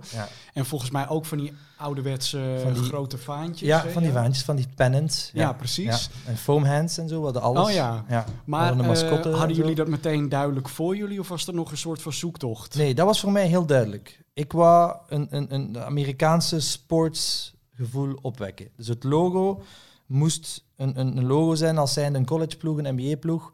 De naam wou ik een dier hebben. Dan ben ik bij Panthers uitgekomen omdat Michael Jordan de Black Cat genoemd werd door zijn vrienden. Uh, en was dat heb ik gelezen in zijn boek en had ik dat als, als inspiratie voor de naam. Um, maar dat was een heel duidelijke lijn. Het probleem was dat uiteindelijk een gift en een curse was. Want dat is een heel duidelijk concept. Maar bijvoorbeeld de Nike, die duwde ons dan in de basketbalhoek. Wat ik op zich niet per se wou inzetten. Ik was een, een sneakerstore, maar ik wou even goed Air Max verkopen, maar dat mocht niet. Want ja, je bent basketbal. Ja, maar dat begrijp ik wel. Dus, dus dat was uiteindelijk, ben ik daar een beetje moeten van terugkomen. Want zo'n zo heel, heel duidelijk concept kan soms ook uh, u ergens blokkeren in uw evolutie. Ja, maar ben je, ben je daar inmiddels dan zelf ook mee eens? Dat je denkt, ja, dat zou eigenlijk best wel gek zijn als daar ook running shoes zouden liggen. Ja, ik ben er niet 100% mee eens. Want voor mij is een goed concept een goed concept. En het is gewoon een toffe winkel. Ik bedoel, het kon even goed uh, uh, als, als een middeleeuws kasteel zijn ingericht. Snap je wat ik wil zeggen? Ja. De, de, moet niet echt, de, de, de link tussen het concept moet niet altijd rechtstreeks de link zijn met het product dat je verkoopt. Het is gewoon een soort van hoe dat je het wil etaleren. En, en, en de, de cultuur dat je er rond wil creëren. Maar uiteindelijk nu zijn we daarvan... Dus het oude concept dat jij nog gezien hebt, dat is nu volledig weg. Dat, is ook, dat was ook in Gent zo geïmplementeerd, daarom dat we dat wilden verbouwen. Maar dus nu Brussel is eigenlijk... de locker room ziet er dan echt uit als een lockerroom, maar iets, uh, laten we zijn, conceptueler uh, aangepakt. Gewoon met tegeltjes, zoals dat, en douchetegels. En het, de linken zijn er, maar het is minder in your face. Ah, ja. dus het geeft ons een iets cleanere look, minder karikaturaal. En dan Panthers, die heeft dan weer een hele andere stijl. Dus nu hebben we echt twee duidelijke concepten waar we mee werken. Uh, voordat wij de opname begonnen, toen vertelde jij een heel leuk verhaal over die, uh, nu het zo over de Panthers en de Black Cat hebt, over een Jordan met die hologram erin. Ja, de Jordan 13. Ja. Vertel dat verhaal nog eens, want ik had geen idee. Wel, zoals het verhaal wil, is de Jordan 13 geïnspireerd uh, door een Panther. Dus Tinker Hatfield, de designer van de meest legendarische Jordans, ook van de Air Max One, onder andere. Dus is, ja, dus de soort van de, de guru eh, van onder Nike designers. Um, die heeft uh, als inspiratiebron de Jordan 13, een panter gebruikt, voor een zwarte panter. En dat kan je eigenlijk terugzien, onder andere in die hologram, is zo een soort van ja, geel-groenachtige hologram, dat eigenlijk verwijst naar het oog van een zwarte panter. En het, het verhaal wil dat dus hij dat design gemaakt had en hij stelde dat voor aan Jordan en zei van kijk, ik heb als inspiratiebron uh, een zwarte panter, dit en dat. En Jordan zei van, hoe weet je dat? Hoe weet ik wat? Wel, mijn vrienden die noemen mij al jaren de Black Cat. Maar dat is gewoon een pick-up gangs onder elkaar. Dat is nooit zijn officiële bijnaam, was natuurlijk de Ernest, Air Jordan. Maar zijn, zijn, zijn bijnaam onder vrienden was blijkbaar de Black Cat, omdat hij zich voortbeweegt, snel, maar toch smooth als een panter doet. En het grappige is eigenlijk dat de design uh, uh, gebeurd is zonder eigenlijk dat Tinker afwist van die van die Het was hem ook opgevallen. Ja, het was hem ook opgevallen. Ja. En zo zijn ze eigenlijk, ja, hebben ze van elkaar ontdekt van oké, die, die, die, link hebben we, hebben we allebei gelegd. Ja. Ik vind het een mooi verhaal bij een sneaker, daar ben ik altijd gek op. Horen jullie vandaag de dag nog wel eens zo'n, ik noem het even oneerbiedig gezegd, uh, marketingverhaal bij een sneaker waarvan je denkt, ja, dat zit weer goed in elkaar. Ja. En vaak ook niet. Maar, maar vaak ook niet. ja, ik ging net zeggen, vaak heel ver gezocht en heel ja, gepusht. We weten gewoon dat storytelling, als het authentiek is, dan komt het ook over. Op, op, klanten en op de liefhebbers en op iedereen. Maar ja, vaak vind ik het soms ook wel te marketing, te geforceerd. En uh, ja, dan merkt de klant dat ook en dan wordt het ook niet opgepikt. Mm. Nee. Eens. Ik heb dat zelf heel erg het idee dat dat vaak bij Puma gebeurt. Ik vind hun heel vaak collaborations doen dat ik echt denk van... Hoezo? Waarom? Hot Wheels, MTV, voor mij hoeft dat allemaal niet zo. Terwijl ik, dan toch weer... meteen zeggen, die Puma MTV, die hoge, die heb ik gehad. Echt serieus? Die Yo MTV Raps, ja. Oh, ja. dat was wel een heel leuk verhaal, want dat is een heel duidelijke link met die oldschool hip-hop. Want toen droegen de rappers en de breakdancers ook die Puma. Die Puma Suede. Dus dat vind ik niet zo ver gezocht. Maar de nieuwere dingen... het waren die nieuwere wel- Ja, inderdaad, de ja. nieuwere ben ik het wel eh Ja, het is meer een 100% stretch en dat vind ik wel heel erg Ja. mooi bij een merk. Dat vind ik eigenlijk wel leuk. Daar zag ik pas een meme over, dat het een beetje de lachende derde is. Je ziet dan, eh, zag je dan twee mensen, zag je dan vechten met elkaar en dan zag je achter, zag je iemand lachen en een joint opsteken. En dan waren die vechtenden waren dan Nike en Adidas en daarachter stond New Balance. En dat vind ik echt, hoe zij dat nu doen. Ja, ik besta toevallig in 100% contact nu met iemand van New Balance. En ik vind dat echt zo cool hoe zij die, niet alleen hun eigen inline modellen, dus bijvoorbeeld de 990 en dat, die, al die modellen zijn top. Die jij aan hebt vond ik ook erg mooi. Ehm, maar bijvoorbeeld nu met Aimé Leon Doré, ik weet nooit of ik het goed uitspreek. Hey, hoe die hele campagne eruit ziet. Ja, Heb je die nieuwe gezien? strak, Zo, ja. Dat was ik, vandaag ik ben in staat om die eh, poster van Ja. het oude vrouwtje thuis op te hangen. Ja, precies. En dat was er vandaag dat die gebaseerd is op een oude New Balance eh advertentiecampagne? die nee. zelfs die. echt Oh, echt? met een oude vrouw en met een oude man van way back van de 990. 20, 20 jaar geleden, denk ik. Maar het, het Daar is leuke hij op gebaseerd. vind ik aan. Balance is dat ze hun saaiheid omarmd hebben. Ja. Ja. En dat vind ik heel tof. Want ik ben een notoire New Balance hater geweest. Altijd. En ik heb altijd gezegd, bij Panthers komt nooit, of te nimmer, bent Balance nou binnen. om door Leonard. Ja. Maar, maar, maar nu volgend seizoen komt zowel bij Locker Room met de basketbal Leonard Shoe als bij Panthers New Balance binnen. En bij mij is het beginnen keren eigenlijk effectief door het feit dat ze die campagne gemaakt hadden met die eh, Worn by Top Models in London en Dads in Ohio. Ja, ja. Geniaal. Simpel, maar wel echt to the point. Ze omarmen een saaiheid. Met Leonard doen ze nu ook fun guy. Ja. Ze omarmen de saaiheid van Leonard. is ook de perfecte speler die ze daarvoor konden signen. Die past Ja, bij New Balance. Wat ik de kracht van New Balance vind, is, want eigenlijk, wat er eigenlijk op neerkomt, is gewoon product. Dus Ja. kwaliteit. En New Balance, ja, de Made in UK, Made in US is gewoon kwaliteit. Dat vind ik gewoon de mooiste schoenen qua materialenkeuze, samenstelling. Er zit ook een prijskaartje aan, dus dat, is het, eh, het nadeel daarvan. Maar ja, kwaliteit vind ik echt on point. Mijn haat is bij mij begonnen omdat ze zijn, vroeger hebben ze al eens een poging gedaan om in basketbal binnen te komen. Terug, ik denk ergens begin 2000. En dan had je de Red Rocket. Ken je die nog? Ja, ja, ja. ja. Speler van, eh, van de Spurs. Een rosse, blanke, onatletische, oersaaie speler. En dat was dan het posterboy van de Balance. En ik zat toen in mijn periode van, ja, voor mij moest het Iverson zijn. Snapte? Tattoos, do-rags, cool guys, hip-hop guys. En dan heb je die rosse dude. Maar op zich ook een zeer goede signing, niks want het klopte die, ook. Met die James Worthy. New Balance, die vond ik ook al. Maar dat is nog, dat is te oud voor mij. Ja. Dat is, dat is de generatie ervoor. Ja. Nou, ik heb, bij mij was het de Red Rocket. Ben zijn naam nu kwijt. Hoe noemde hij nu weer? Dude... Ja, een ginger guy van de, van de Spurs. Weet je wie dat ik bedoel? Is dat niet die... Zijn nickname was de Red Rocket. Dat weet ik, omdat hij rost was. Ik zit te denken aan die eh, de White Mamba nou. Nee, niet de White Mamba. Nee, maar er waren twee gingers. De ene Ja, was de White Mamba, de andere was de. Red Ja, Rocket. ja. In ieder geval... Is dat niet die guy die daarna ook voor de Bulls is gaan spelen? Die center? Mm, ik denk de vier. Anyway, ik, ik ga het straks opzoeken, want nu wil ik het wel weten. Maar bedoel, voor mij was dat zo van, ja, nee, dat, dat, dat, dat paste niet in mijn levensstijl. Dat paste niet in mijn visie op basketbal en mijn visie op, op, op, op, op sneakercultuur. Maar uiteindelijk nu, ja, nu kan ik er, ja, ik, ben gekeerd. Dus als je mij al kunt fan maken, dan moet je van heel goede huizen komen. Ja, ja, ja. ja. Want ik was echt een hater, full on. Absoluut. Nee, totaal niet. Grappig. Ik stond vind dit eh, gesprek even helemaal buitenspel, want ik had geen idee waar dit over ging. Ja, ik was ook rustig. Ik hield me ook even stil ja, inderdaad. echt hè? Ik denk dat wij wel een ik denk dat er ook al veel mensen afgehaakt zijn nu. Nee, vast niet, vast niet. Er wordt ontzettend veel geleerd eh, deze aflevering, denk ik. Ted, jij hebt nog wat spullen meegenomen. Ja, dat klopt. Eh, om in het verhaal van eh, sneaker eh, culture en historie en de nieuwe generatie een beetje op eh, te voeden. En Ja. wat jullie gevraagd hadden, kun je misschien iets leuks meenemen waar een leuk verhaal aan zit of iets in die geest, heb ik twee dingetjes meegenomen die dicht bij elkaar aansluiten.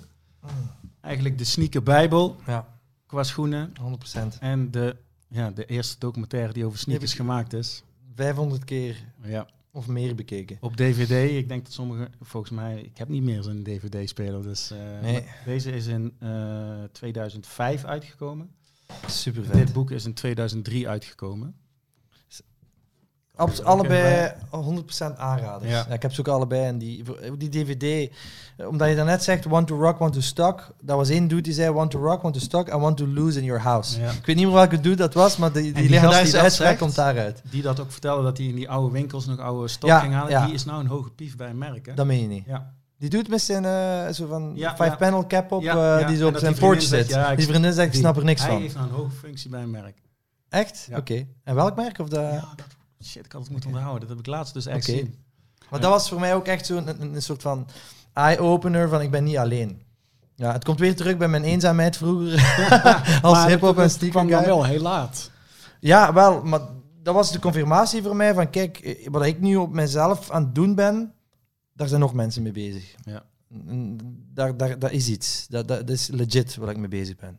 Ja, want ik was er toen echt mee, wat ik zei, ik heb mijn winkel in 2007 geopend. Dit is 2003, 2005. Dat is 2003 deze. Ja. Ja. Dus dat is Ja. echt voorwerk. Ja, daar Ja. is bij mij allemaal... Die eh Wu-Tang Jordans ook. Hè? Ja. Ja. ja, ja, ja, ja, die zijn wel sick. Ja, heb je hem gezien? Deze? Ja, ik heb hem gezien, maar het is echt zo lang geleden. Ja, ja, ja, ja. Het is echt een aanrader voor de Ja. mensen die kijken en luisteren. Het- Absoluut. Ik, ik was beste ook documentaire ooit gemaakt Ja, van het sneakers. is Ik gewoon echt hoe sneaker, historie en culture, hoe dat ontstaan is op verschillende manieren. En Ja. dat in één omvattende documentaire alle aspecten. En eigenlijk hetzelfde. Voor resell. Ja, en het, ja, precies. En het boek eigenlijk ook. Het is gewoon door Bobito Garcia geschreven. eh, eigenlijk de eerste sneakersjournalist die er toen mee be- mee begon. Het is een handleiding van begin jaren 70 toen men begon op de Pro-Cats en de Converse. Best wel basketbal gerelateerd. Ja. Aan het einde van het boek gaat is een het- basketbalspeler ook. ja, ja, ja. Het ook met een andere eh, stijlen. Ook andere Playground Legends die eh, een stukje bij elke schoen vertellen. Er staan echt obscure merkjes in. En eh, ook wat nieuwere modellen. En ja, wat ik al zei, het is echt een soort handleiding in de loop der jaren wat er allemaal is uitgekomen. Zouden ze up- een update moeten maken ervan? Want het is natuurlijk, ja, het stopt wanneer, wat zei je van welk eh, jaar? ja, was volgens mij... eh, met- 2006? Ja. ja dus, maar volgens mij stopt die qua historie een beetje eh, eind jaren 80. ja, ja, Met de samenvattingen van, eh, Ja. van de verschillende schoenen. heel tof. Ja. Dat is trouwens mijn holy grail. Die, eh, die Dunk Wu-Tang. Ja? Ja, dat is mijn holy grail. sorry, ik zei Jordan. Nee, dat is mijn, mijn absolute holy grail. Ik heb er nog wel een eh, verhaal over. Wij ehm, wilden een eh, sneaker uitbrengen. Een, eh, een geel met eh, zwart hadden we toen gemaakt op een cat. En ik dacht van, eh, nou, ehm, dat moet Wu-Tang zijn. En ik weet dat zij toen heel erg boos waren over hun, ehm, ja, over Nike. Dat ze dat dus op een hele manier zo van op Twitter gooiden of op, eh, op Instagram. Ja, ja, Ja, bring ja. them back, dit en dat. Zo, zo, zoveel zo. jaar bestond. het vorig jaar toch? Volgens Ja. mij, Ja, inderdaad. En dus ik dacht van, nou oké, ehm, ik wist toevallig via iemand die muziek eh, maakte, wist ik van de RZA, wist ik zijn eh, e-mailadres, zeg maar. eh. De rissa.wootang.com. Ja. Nee, nee, het was, een, het was een best wel een raar e-mailadres, maar het was At wel Gmail. gewoon... Ja, zo, nee, maar het was echt letterlijk zoiets met Gmail of zo. Het was inderdaad niet eens met een domeinnaam. En hij reageerde, want die merkrechten liggen ook helemaal verspreid. Het is, dat, het Ja, is dat niet is echt zo'n machine. ja, ja, ja. Dus hij zegt van, hij zei van, nou nee, trouwens, het was niet met de RZA. Hij had de rechten, de RZA, alleen ik had met Ghostface had ik, een, had ik de conversatie. Hij zegt, no, sir, no sir, you will get sued if you use this logo without permission. Maar heel die e-mail ging er dus over van, nou, kunnen we er een soort royalty deal uitmaken? Kunnen we er een permission deal uitmaken? Een soort van ode aan jullie, weet je wel? No, we will sue you, sir. We will fuck you up, dit en dat. En dat heb ik echt op e-mail staan. Ik zal het straks nog wel even laten zien. maar dat was dus eh, helaas niet. eh, en ze hebben dan wel met Clarks, maar dat was dan weer Woo Wear, Ja, was dat we- dan? Die hebben we in de winkel. Ehm, maar de Wu-Tang Dunk, ja, die moet toch wel komen op een gegeven moment. Vinden En- jullie niet? en- Ja, maar hij ik vind het dan zo'n gemiste kans dat hij vorig jaar niet kwam. Precies. Maar hij zal komen, maar zonder Wu-Tang logo. Ja. Nou helemaal met die Be True. Hij zal- hij zal- hij zal eh, sowieso dunks, komen. Ja.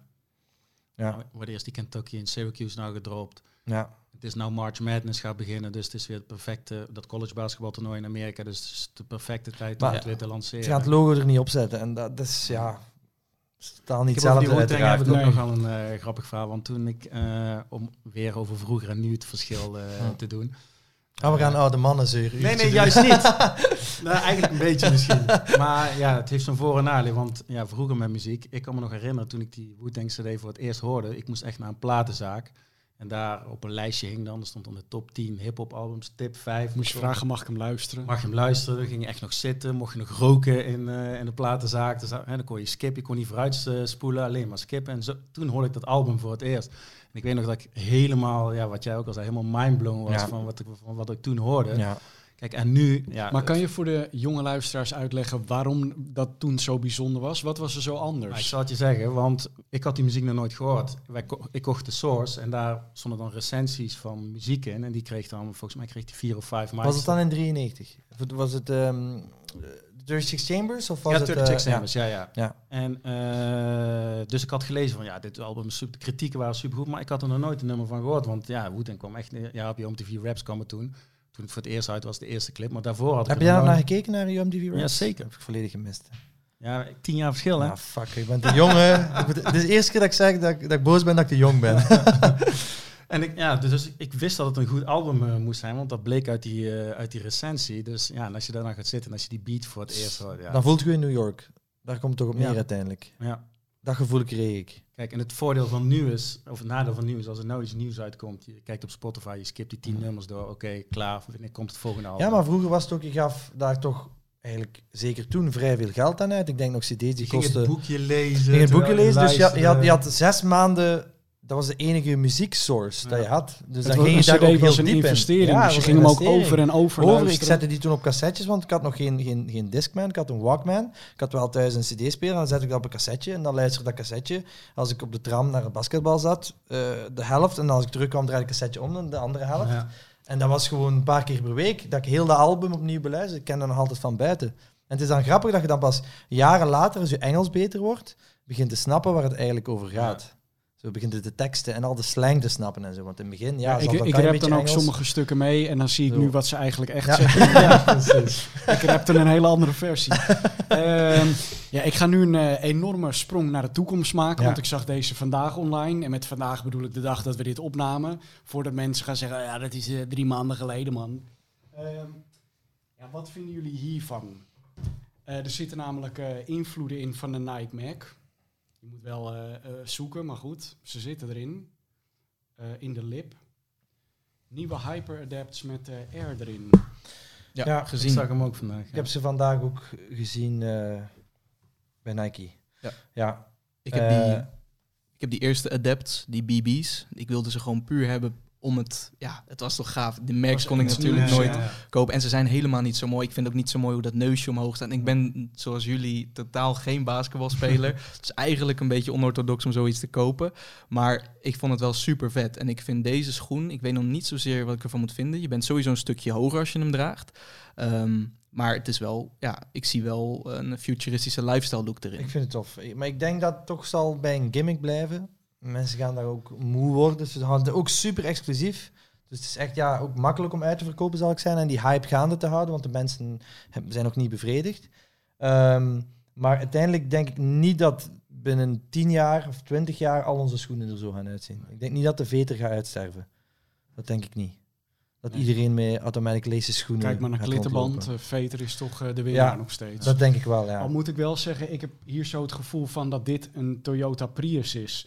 Dus op een gegeven moment is het leuk dat er elektrische auto's ja. komen. Maar Tesla heeft het pas echt sexy gemaakt. Ja, ja. En ik vind de techniek heel leuk, maar... Sexy is het nog niet. De zool is nog veel te dik door de techniek die erin moet. Eens. Maar brengen ze dit als uh, lifestyle schoen of ja, performance? Je hebt dus een deel performance, dus ja. je hebt de basketbalversie en dan heb je inderdaad ook de lifestyle versie. Dus dit ja. komt ook gewoon als lifestyle schoen. Maar er was volgens mij ook nog een andere lifestyle, die Hurachi. Die was, dan was het een beetje dat buiten, dat, uh, dat systeem was dan helemaal ook, uh, dat zag je, dat was helemaal exposed. Het lijkt me sterk dat dat nou echt een running sneaker was. Want ja, dat al vond ik die wel, die kwam ook in het geel, ja. of niet? Ja, die, dat vond ik er al echt veel beter uitzien. Beter dan die BB, zeker. 100%. Absoluut, 100%. Nou hebben jullie het over uh, sportschoen of lifestyle schoen. Ja. En dan zit ik ook met twee basketballiefhebbers hier aan tafel. Wat vinden jullie van die uh, nieuwe Yeezy Quantum? Die komt in lifestyle en, en basketbalversie. Basketbal. Ik vind het tof. Ja, hè? ja, ik ook. Ik vind het echt heel tof. Ik denk dat het belangrijkste is om een credibility te houden dat die uh, basketbalschoen ook wel goede, echt technische specs heeft, dat er ook daadwerkelijk. Ja, en, en het probleem qua, qua uh, hoe dat ze het in de markt plaatsen is natuurlijk niet credible. Nee. Want ze plaatsen hem niet bij basketbalwinkels. Maar zit, uh, zit er, wat is het verschil tussen de lifestyle versie en de... Ja, er is wel een technisch aspect. Ja. Ik weet het niet precies, maar nee, er is wel iets meer padding of meer... meer ja. Maar zou je wat dat betreft, want je zegt dat wordt niet in, bij de basketbalwinkels geplaatst, zou je niet kunnen zeggen van de tijden zijn veranderd, dat station kan je nu passeren, want het is groot genoeg om in eigen beheer te doen. Ja, tuurlijk, als je het zo doet, oké, okay, maar als je het effectief in de markt plaatst bij shops dan vind ik wel dat je bij basketbalshops moet leggen of shops die een link hebben met basketbal. Ja. En dat is niet dat ik voor mijn eigen winkel spreek, maar um, dat vind ik wel noodzakelijk. Net hetzelfde als je SB gaat gaan releasen bij niet-skate shops, kan ja. als aanvulling, maar je moet het ook bij skate shops leggen. Ja, Anders heb je wel een, een credibiliteitsprobleem, denk ik. Ja. Ik had nog gelezen dat uh, een van de verschillen tussen die lifestyle en de basketbalversie is dat in de lifestyle versie zit 3M en die zit niet in de basketbalversie omdat het niet volgens de wedstrijdregels mag. Ja. Vanwege de reflectie. Ja, wat dat wel kan een issue zijn. Ja, ja. Dat je andere spelers gaat verblinden met je schoenen. Ja, er zijn een aantal verschillen inderdaad. Dat is inderdaad het voornaamste verschil. Er zit een bepaalde webbing over die, ehm, over die eh, basketbalversie heen. Een soort plastic cage zit over dat PrimeNet heen. En er zit inderdaad iets, die enkel collars volgens mij ietsje dikker. Dus en dat is bij die lifestyle niet. Ja, ik heb geprobeerd ze te, te bemachtigen. Ik heb hem via Chicago, via proxy servers heb ik me ingeschreven, maar uh, het mocht niet baten. Ik denk dat ik toch op de oude manier erheen had moeten vliegen, bij wijze van spreken. En daar gewoon mijn ding moeten doen. Want het was ook best wel een bizarre release. Ik weet niet of jullie dat hebben gezien. Ja, ja. Dus Alstar, Alstar Weekend. Ja, ja, ja. maar ze werden volgens mij naast... Tanks. Ja, en die werden volgens mij gratis weggegeven. Ja, ja. Dat, was wel, dat was vrij bizar. Maar het verhaal ging er ook weer van dat er acteurs waren die daarvoor uh, oh, in het begin zo stonden te Tuurlijk zullen ze dat doen, weet je wel. Waarom niet? Dat is toch hoe je het een beetje uh, op gang moet krijgen.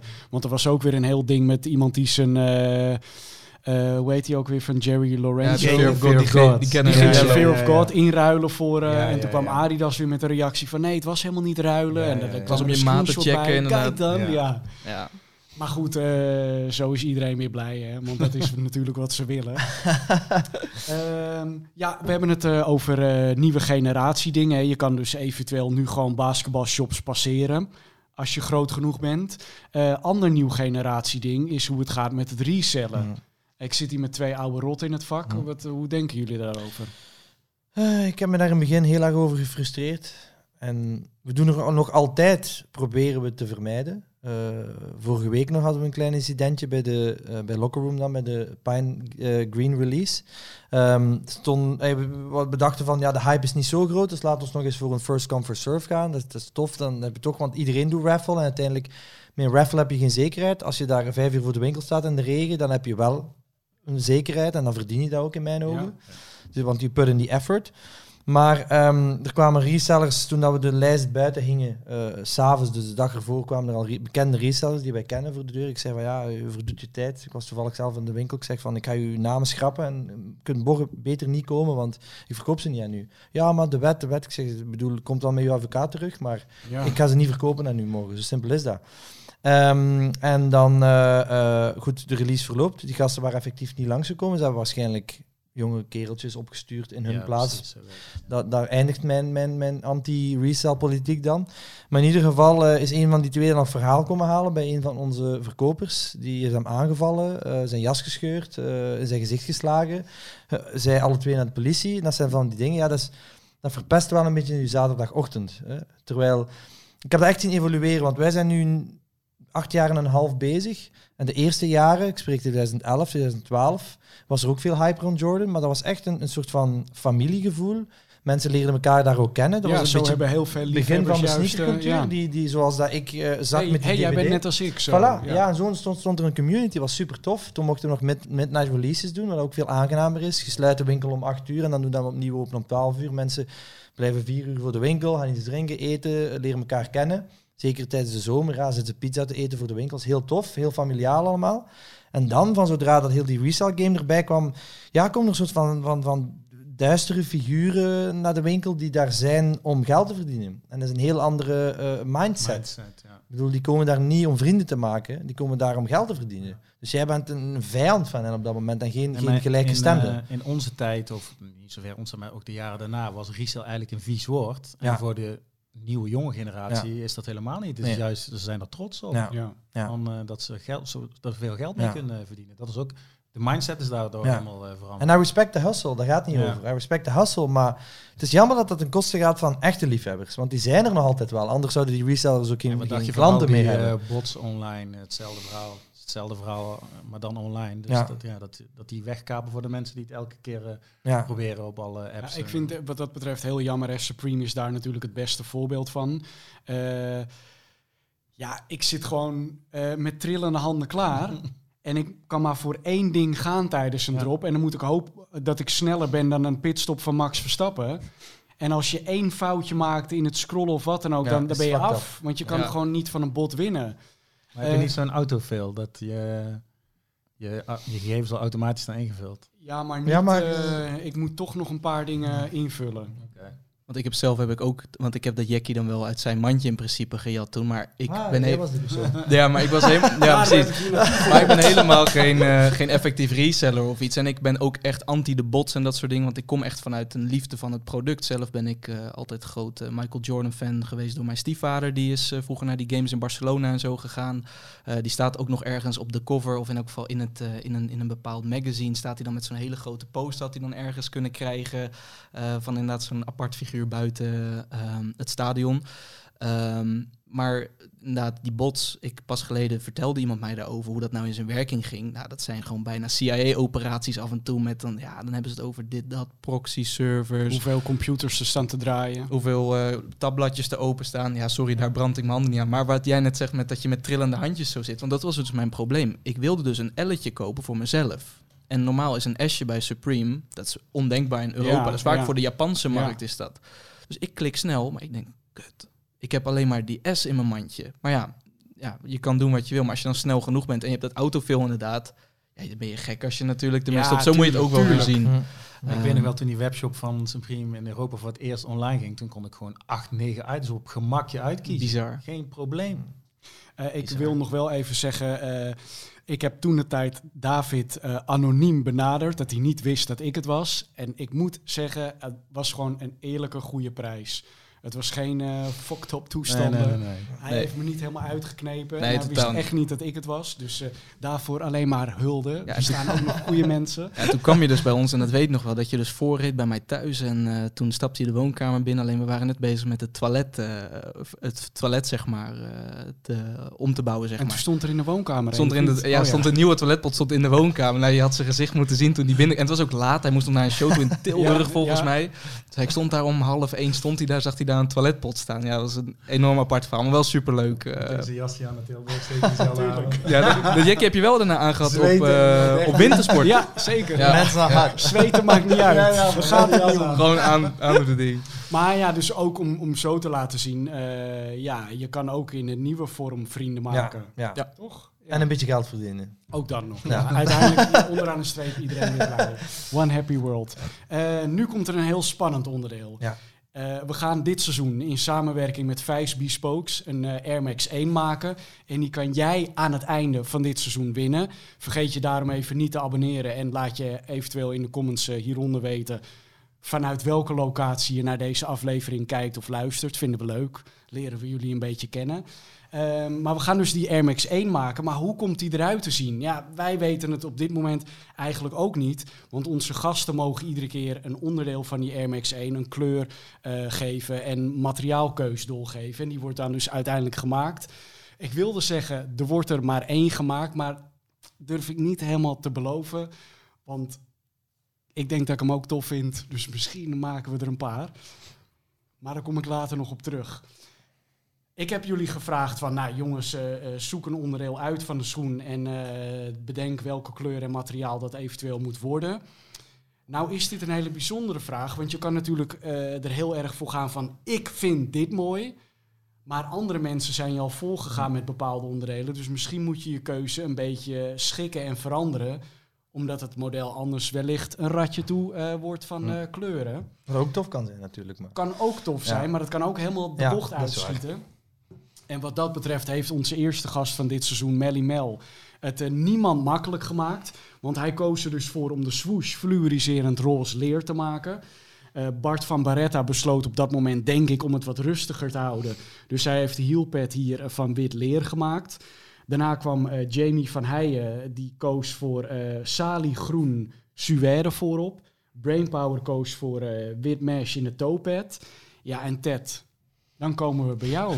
voor welk onderdeel ga je? Mag ik het hele verhaal vertellen? of- Vertel het hele verhaal. ik heb altijd gezegd, als ik ooit een schoen ontwerp, het eerste wat erop komt is een gumsol. Oké. Dat was voor mij... tegen. Maar, en ik maar- zal je vertellen, Brainpower was hij dus vorige keer. En En die zei ook, ja, Gumsol, man. En ik denk dat we die gumsel nog heel vaak gaan horen. Ja, maar Vlier zei, nee, dat is de veilige keuze. Kun je niet iets spannends eh, verzinnen? En ik dacht van, ja, maar ja, is niet Nee, spannend. dat hou je bek, gast. Ik ben meteen geblokkeerd op Insta. Eh, roze eh, weet ik veel, patent leather, weet ik veel wat er allemaal op zat. Maar ja, ik dacht dus, oké, ik moet dus een, een ander onderdeel pakken en ik moet iets kiezen waardoor de schoen uiteindelijk in balans blijft. Want ja, mensen gaan er van alles opgooien en eh, ja, ik draag geen kermisschoenen. ik hou van balans in de schoenen en rustige kleuren. Dus ik had eh, de ingeving om, oh, je schermpje gaat uit, om eh, de midsole in Ja. een eh, beige crème-achtige bruin kleur te doen. Omdat die super mooi ten opzichte van die groene staat. En de onderkant is dan sowieso altijd in balans. Dus maakt niet uit wat er boven gebeurt. Ja. De onderkant is rustig. En Ja, Kijk, en dit vind ik leuk, want dit wilde ik nou uit je krijgen. Ja, precies. nou, na die die slaap spannende, eh, kwam het eruit. Ja, creatieve ja. proces. Nou, je zal het niet geloven, maar ik heb me dus afgelopen week voorbereid. Let op, daar komt hij. Bam! Hey. Voor Mooi. het eerst. Unicum in de show. Mooi met, de Ja, met groene. Ja, Ja, ik vind het echt te gek, man. Ik, eh, ik- ja, je, je zal misschien aan het begin me vervloekt hebben. In het begin dacht ik, waarom mag ik nog geen gums als? Ja.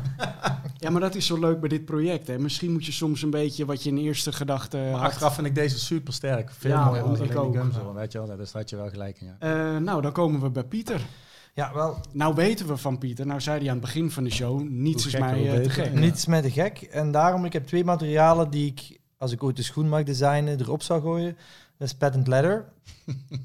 vond ik hier niet echt bij passen. Ik vond niet echt een, een een invalshoek waar dat het mooi zou bij kunnen zijn. En dat is pony hair. Eh, liefst pony hair met, met een, een, een tijgerprint of met leopard. Maar bon, gezien de kleuren vond ik het al een beetje lastig.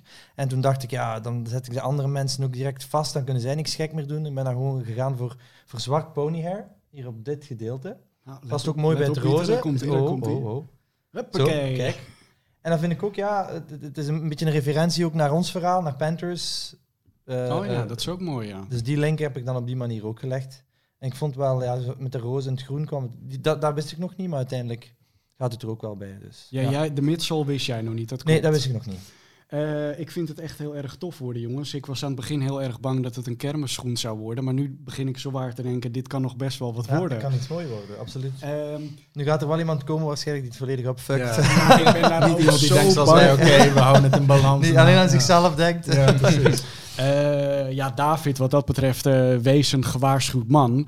Want officieel mag de co-host geen onderdeel uitkiezen. Maar ik vind het toch wel leuk, gezien jouw geschiedenis en jouw plannen, dat jij ook een onderdeel mag eh, uitkiezen. Dus Ja, laat dat even bezinken. Ja, Dan laten top. we dat de volgende aflevering zien. Eh, wat ik wel nu allemaal van jullie wil horen, is eh, wat volgens jullie jullie schoen van 2020 wordt. Dus dat hoeft helemaal niet een hype iets te worden. Ja. Maar wat vind jij nou de tofste release van 2020? Ik ben benieuwd. Doe jij maar eerst. Ik moet Maar- even nadenken. ik, eh, ik had er al over nagedacht. Ehm, en ik ja, ik refereer eigenlijk naar het begin van de podcast, Space Jam. Ehm, het was een, een, een, trip down memory lane wanneer dat de, de LeBron 17 uitkwam, zowel in, in de gewone versie als de low versie. Met, waarbij dat, ik denk dat de meeste mensen zich niet voor de geest gaan kunnen halen, want het is totaal geen gehypte schoen. Maar er is een LeBron 17 uitgekomen voor All-Star Game die eh, refereert naar de Monstars. Dus daar ook die nummer 0 op. Mhm. De schoen is zo wat paarsig. En dan is er ook eigenlijk zo in het deel waar de veters onder zitten, een soort van de huid gebruikt van die Monstars. Van, van, er is een groen gedeelte, er is een, een eh, oranje gedeelte. Ja. En binnenin staat ook effectief het Monster logo. Het is officiële samenwerking met Warner Brothers, denk ik, die Space Jam eh, doet. Ja, En dan heb je de, de low-versie. Die heeft dan, eh, is dan de Toon Squad. In de kleuren wit, blauw, rood. En dan de swoosh is eigenlijk een soort van ehm, harig, refererend naar Bugs Bunny. Gaaf. Dus als die binnenkwam, vooral de combinatie Oh ja, ook is ervan, aardig, hè? Ja. die vond ik ja, super, super vet. Dus ik ben voor een performance basketbalschoen gegaan. Waar ik waarschijnlijk hier niet veel vrienden mee ga maken op de podcast. maar het is wel wat aan mij heel gelukkig heeft gemaakt. En is nog makkelijk te kopen. Je, hebt er niet, je moet er niet voor campen. Je moet er Maar het moet de eigenlijk... schoen zijn die nu uit Ja. is, zeg maar. Bedoel je? 2000, ja, Welke 2020. dit jaar ja. uitkomt of uit is gekomen in Oh, 2020. Dan? Die gaat uitkomen. Ja, want wij kunnen natuurlijk al eh drie kwart jaar naar voren kijken. Wat Ja, nou, Ja. geeft niet. Ja. Zolang het maar 2020 is. Oké. Nou, vertel maar. Eh, Ben je nu aan het denken, shit, dat ga ik veranderen. Ja, nee, nee, dan geef ik gewoon twee opties. Een schoen die nu uit is gekomen en een Ja. schoen die nog moet komen. ja. we hadden het net over de verschillende fases waar, waar ik in, in zit. Deze bedoelde jij, Ja. Dat is dus de versie waar hij mee gespeeld heeft. En dan heb je de low, is dan de Toon Squad. Dit is de Monstars versie. En er is nog een tweede versie van die, die dan refereert naar die baas van de Monstars. Die groene doet met zijn sigaar, ik ben zijn naam vergeten. Hoe noemt hij Swaghammer. Oh, ja. Oh, dus daar die groene. Die groene, ja. De tweede ah, helft van de All-Star Game heeft hij met die groene gespeeld. De eerste helft met die paarse. Ja. ja gewoon, ik heb, dat is ook een schoen. Ik bedoel, ik, ik speel bij de veteranen. Ik heb nog één training in de week. Maar ik heb nog schoenen om, om, om minstens 20 jaar verder te gaan als ik gewoon iedere wedstrijd een ander paar aan doe. Dus ik blijf maar performance kopen, ook al weet ik van ja, je kan die niet meer dragen op straat. Je kunt dat niet dragen met jeans, of dat, dat werkt gewoon niet meer. Dat is te technical, te, te, te bulky. Maar ja, dan probeer ik gewoon iedere training, iedere wedstrijd een nieuw paar aan te doen. En zo kan ik nog ja, een beetje door. Nu je het weer over Space Jam hebt, ik moet nog even snel hoor. uh, ja, ik hoor Swag, Swaghammer. Swaghammer, ja. En dan moet ik natuurlijk aan denken aan Hit 'em High, want volgens mij uh, ja. benoemt Method Man hem. Uh, Method Man, Buster Rhymes zat erin. Be Real. Be Real. Coolio. Ja, en LL Cool J. Dat zijn de vijf, oh, ja. denk ik. Um, daar gaat er ongetwijfeld een nieuwe soundtrack met heel veel rappers uitkomen. Ben je er bang voor of kijk je er naar uit? Nee, dat bedoel, voor mij, ik ben ook iemand, net hetzelfde als mijn sneakers, ik ben niet verzuurd. Ik vind dat er vandaag nog heel veel goede hip-hop gemaakt wordt. En niet alleen die backpack, Kendrick Lamar toestanden. is ook allemaal fantastisch, maar de ignorant stuff vind ik ook goed. Ik vind Migos ook geweldig. Het is niet omdat ik een goed tank van ben dat ik Migos slecht moet vinden. Mhm. Dus ik ben ook voor dat een beetje meer open te trekken. Dat is een persoonlijk ding van mij. Van mensen doen altijd een beetje te hoogdravend. Ja, als het niet lyrisch genoeg is of dit of dat, doet er niet toe.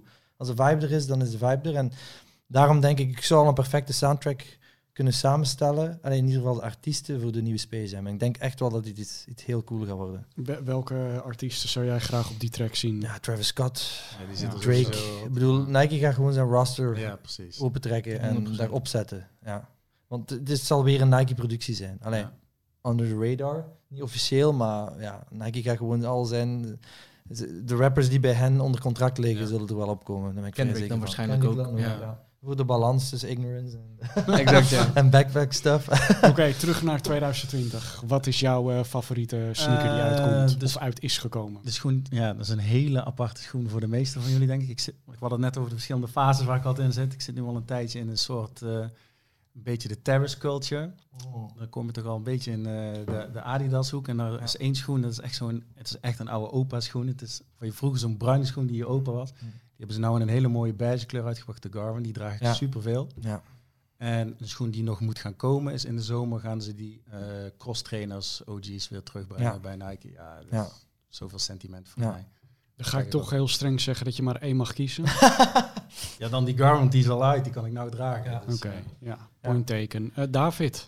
Ja, ik ben toch een wat, uh, wat jonger dan jullie. Dus, uh, en altijd al heel groot fan geweest van uh, Kanye. Voor heel de Kardashian-hype, voor heel de Yeezy-hype, gewoon als artiest. Um, ik weet nog dat ik hier op de webcam, en dat staat nog een filmpje, ik heb het gelukkig kunnen verwijderen. staat dat ik meeloop te, te, zingen zeg maar, met een nummer in 2008. Ook nog lang haar, zou je niet, zou je niet verwachten. Um, nee, maar ik, ik vind toch die Quantum. Ik wil hem gewoon heel... Ik vind het even weer wat nieuws. Want ik heb die 700 heb ik nu wel gezien. Die 350 ben ik al helemaal klaar mee. Um, die 500 nooit zo heel tof gevonden. Die hoge vond ik wel cool overigens. Uh, ook cool natuurlijk met die, uh, met die zol die die Kobe's vroeger hadden van die, uh, van die Yeezys ja. 500. Ik zou toch nog wel graag een 700 zien. Ja. Maar welke dan? Die V1, 2 of 3? Die 3 heb ik nu net. Nou, ja, ik zag toen de tijd die, die helemaal zwarte met een gumsole. Ja. En toen dacht ik, oh, dat had me toch nog wel tof geleken. Ja, en ik heb die, uh, ja, maar ik denk zelf voor mij die, uh, die Quantum. Dat vind ik wel echt een uh, schoen. En dan lifestyle, want ik ben geen basketballer.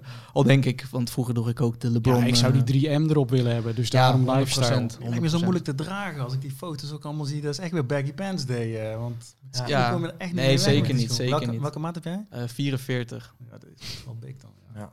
Dus, en ook hele brede voeten. Dus ik heb inderdaad precies dat probleem ah, dat jij sowieso, die uh, Yeezys vooraan, die zijn zo breed, jongen, die, die hogere modellen. Ja. Dat als ik naar beneden kijk en ik heb die Wave Runners aan, dan denk ik echt, holy lord. Ja, voor mij is dat echt perfect weer, die dingen, weet je wel. Die soort van, uh, ja, die lekker brede dead shoes in principe. Dat vind ik helemaal top dat dat nu is. In plaats van de smalle, eh, de kruifies en de, de Bickenbergs, om maar zo te noemen. Om, omdat jij zo uh, van die hele Kanye-lifestyle en alles erop en eraan houdt, heb ik ook laatst gezien dat je die nieuwste Yeezy season had bekeken. Ja.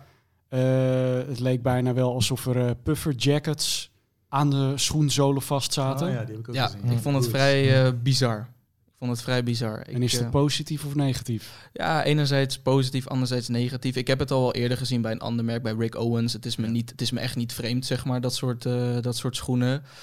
Um, echter vind ik het jammer dat Kanye nooit met de dingen komt die de mensen echt willen. Dus bijvoorbeeld die, die duckboot had je toen. En dat was toen een wat nieuwere variant toen in 2016. Was Doe je de 1050? Ja, en die vond ik zo, echt zo dik.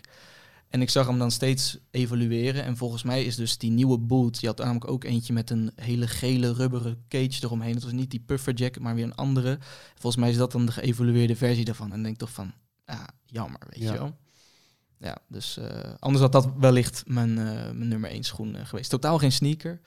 Um, maar ja, dat vond ik wel cool. Maar Season 8, conceptueel.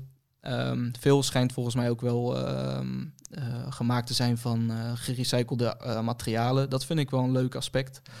zeker aangezien, jij had het er net even over, inderdaad, van de vegans en de Dr. Martens. Er zit een hele lifestyle, een beetje een geitenwolle sokkencultuur omheen. Ja, maar het gaat maar, groot worden. Het is wel ja, een heel ding. Ja, maar alle merken beginnen er nu mee. Vega is natuurlijk de eerste. En nu Nike, Adidas, alle nieuwe collecties die we te zien krijgen, ja. zit altijd zo'n soort van eco-ding aan. Ik vind het allemaal een beetje geforceerd overkomen. Uiteraard, ik, uh, ik, ik, ik, ik wil Het is puur om te kunnen roepen dat dat het geval is. Want ik las ook, ja, dan worden de shirts van gerecyclede petflessen gemaakt. En dan lees je verder en dan blijkt de pet ongeveer het slechtste plastic te zijn wat je kan recyclen. denk ik, ja. Dus ik vind allemaal veel marketinggedoe. Uh, uiteindelijk willen we allemaal dat deze planeet uh, blijft verder leven en dat we allemaal comfortabel kunnen blijven leven. Maar um, van zodra dat dat commercieel aspect mixt met, met, met het eco-verhaal. Ik vind het vaak allemaal echt geforceerd. En de dingen die ze uitbrengen, uh, de, de, brands dan, behalve Vega. Vega vind ik sowieso verschrikkelijk. Maar bij de nieuwe brands, zit, bij, de, bij de Nike's of de Adidas, zit er ook niets echt tussen dat mij kan, kan bekoren. Ik denk dat daarom Vega wel zo'n succes is. Want daar is het wel authentiek. Want dat merk is ontstaan puur daaruit. En je ziet nu dat de grote merken het gaan ja, doen. Zij zijn de volgers nu, ja, in, in, dit geval. Ja, absoluut. Maar ja...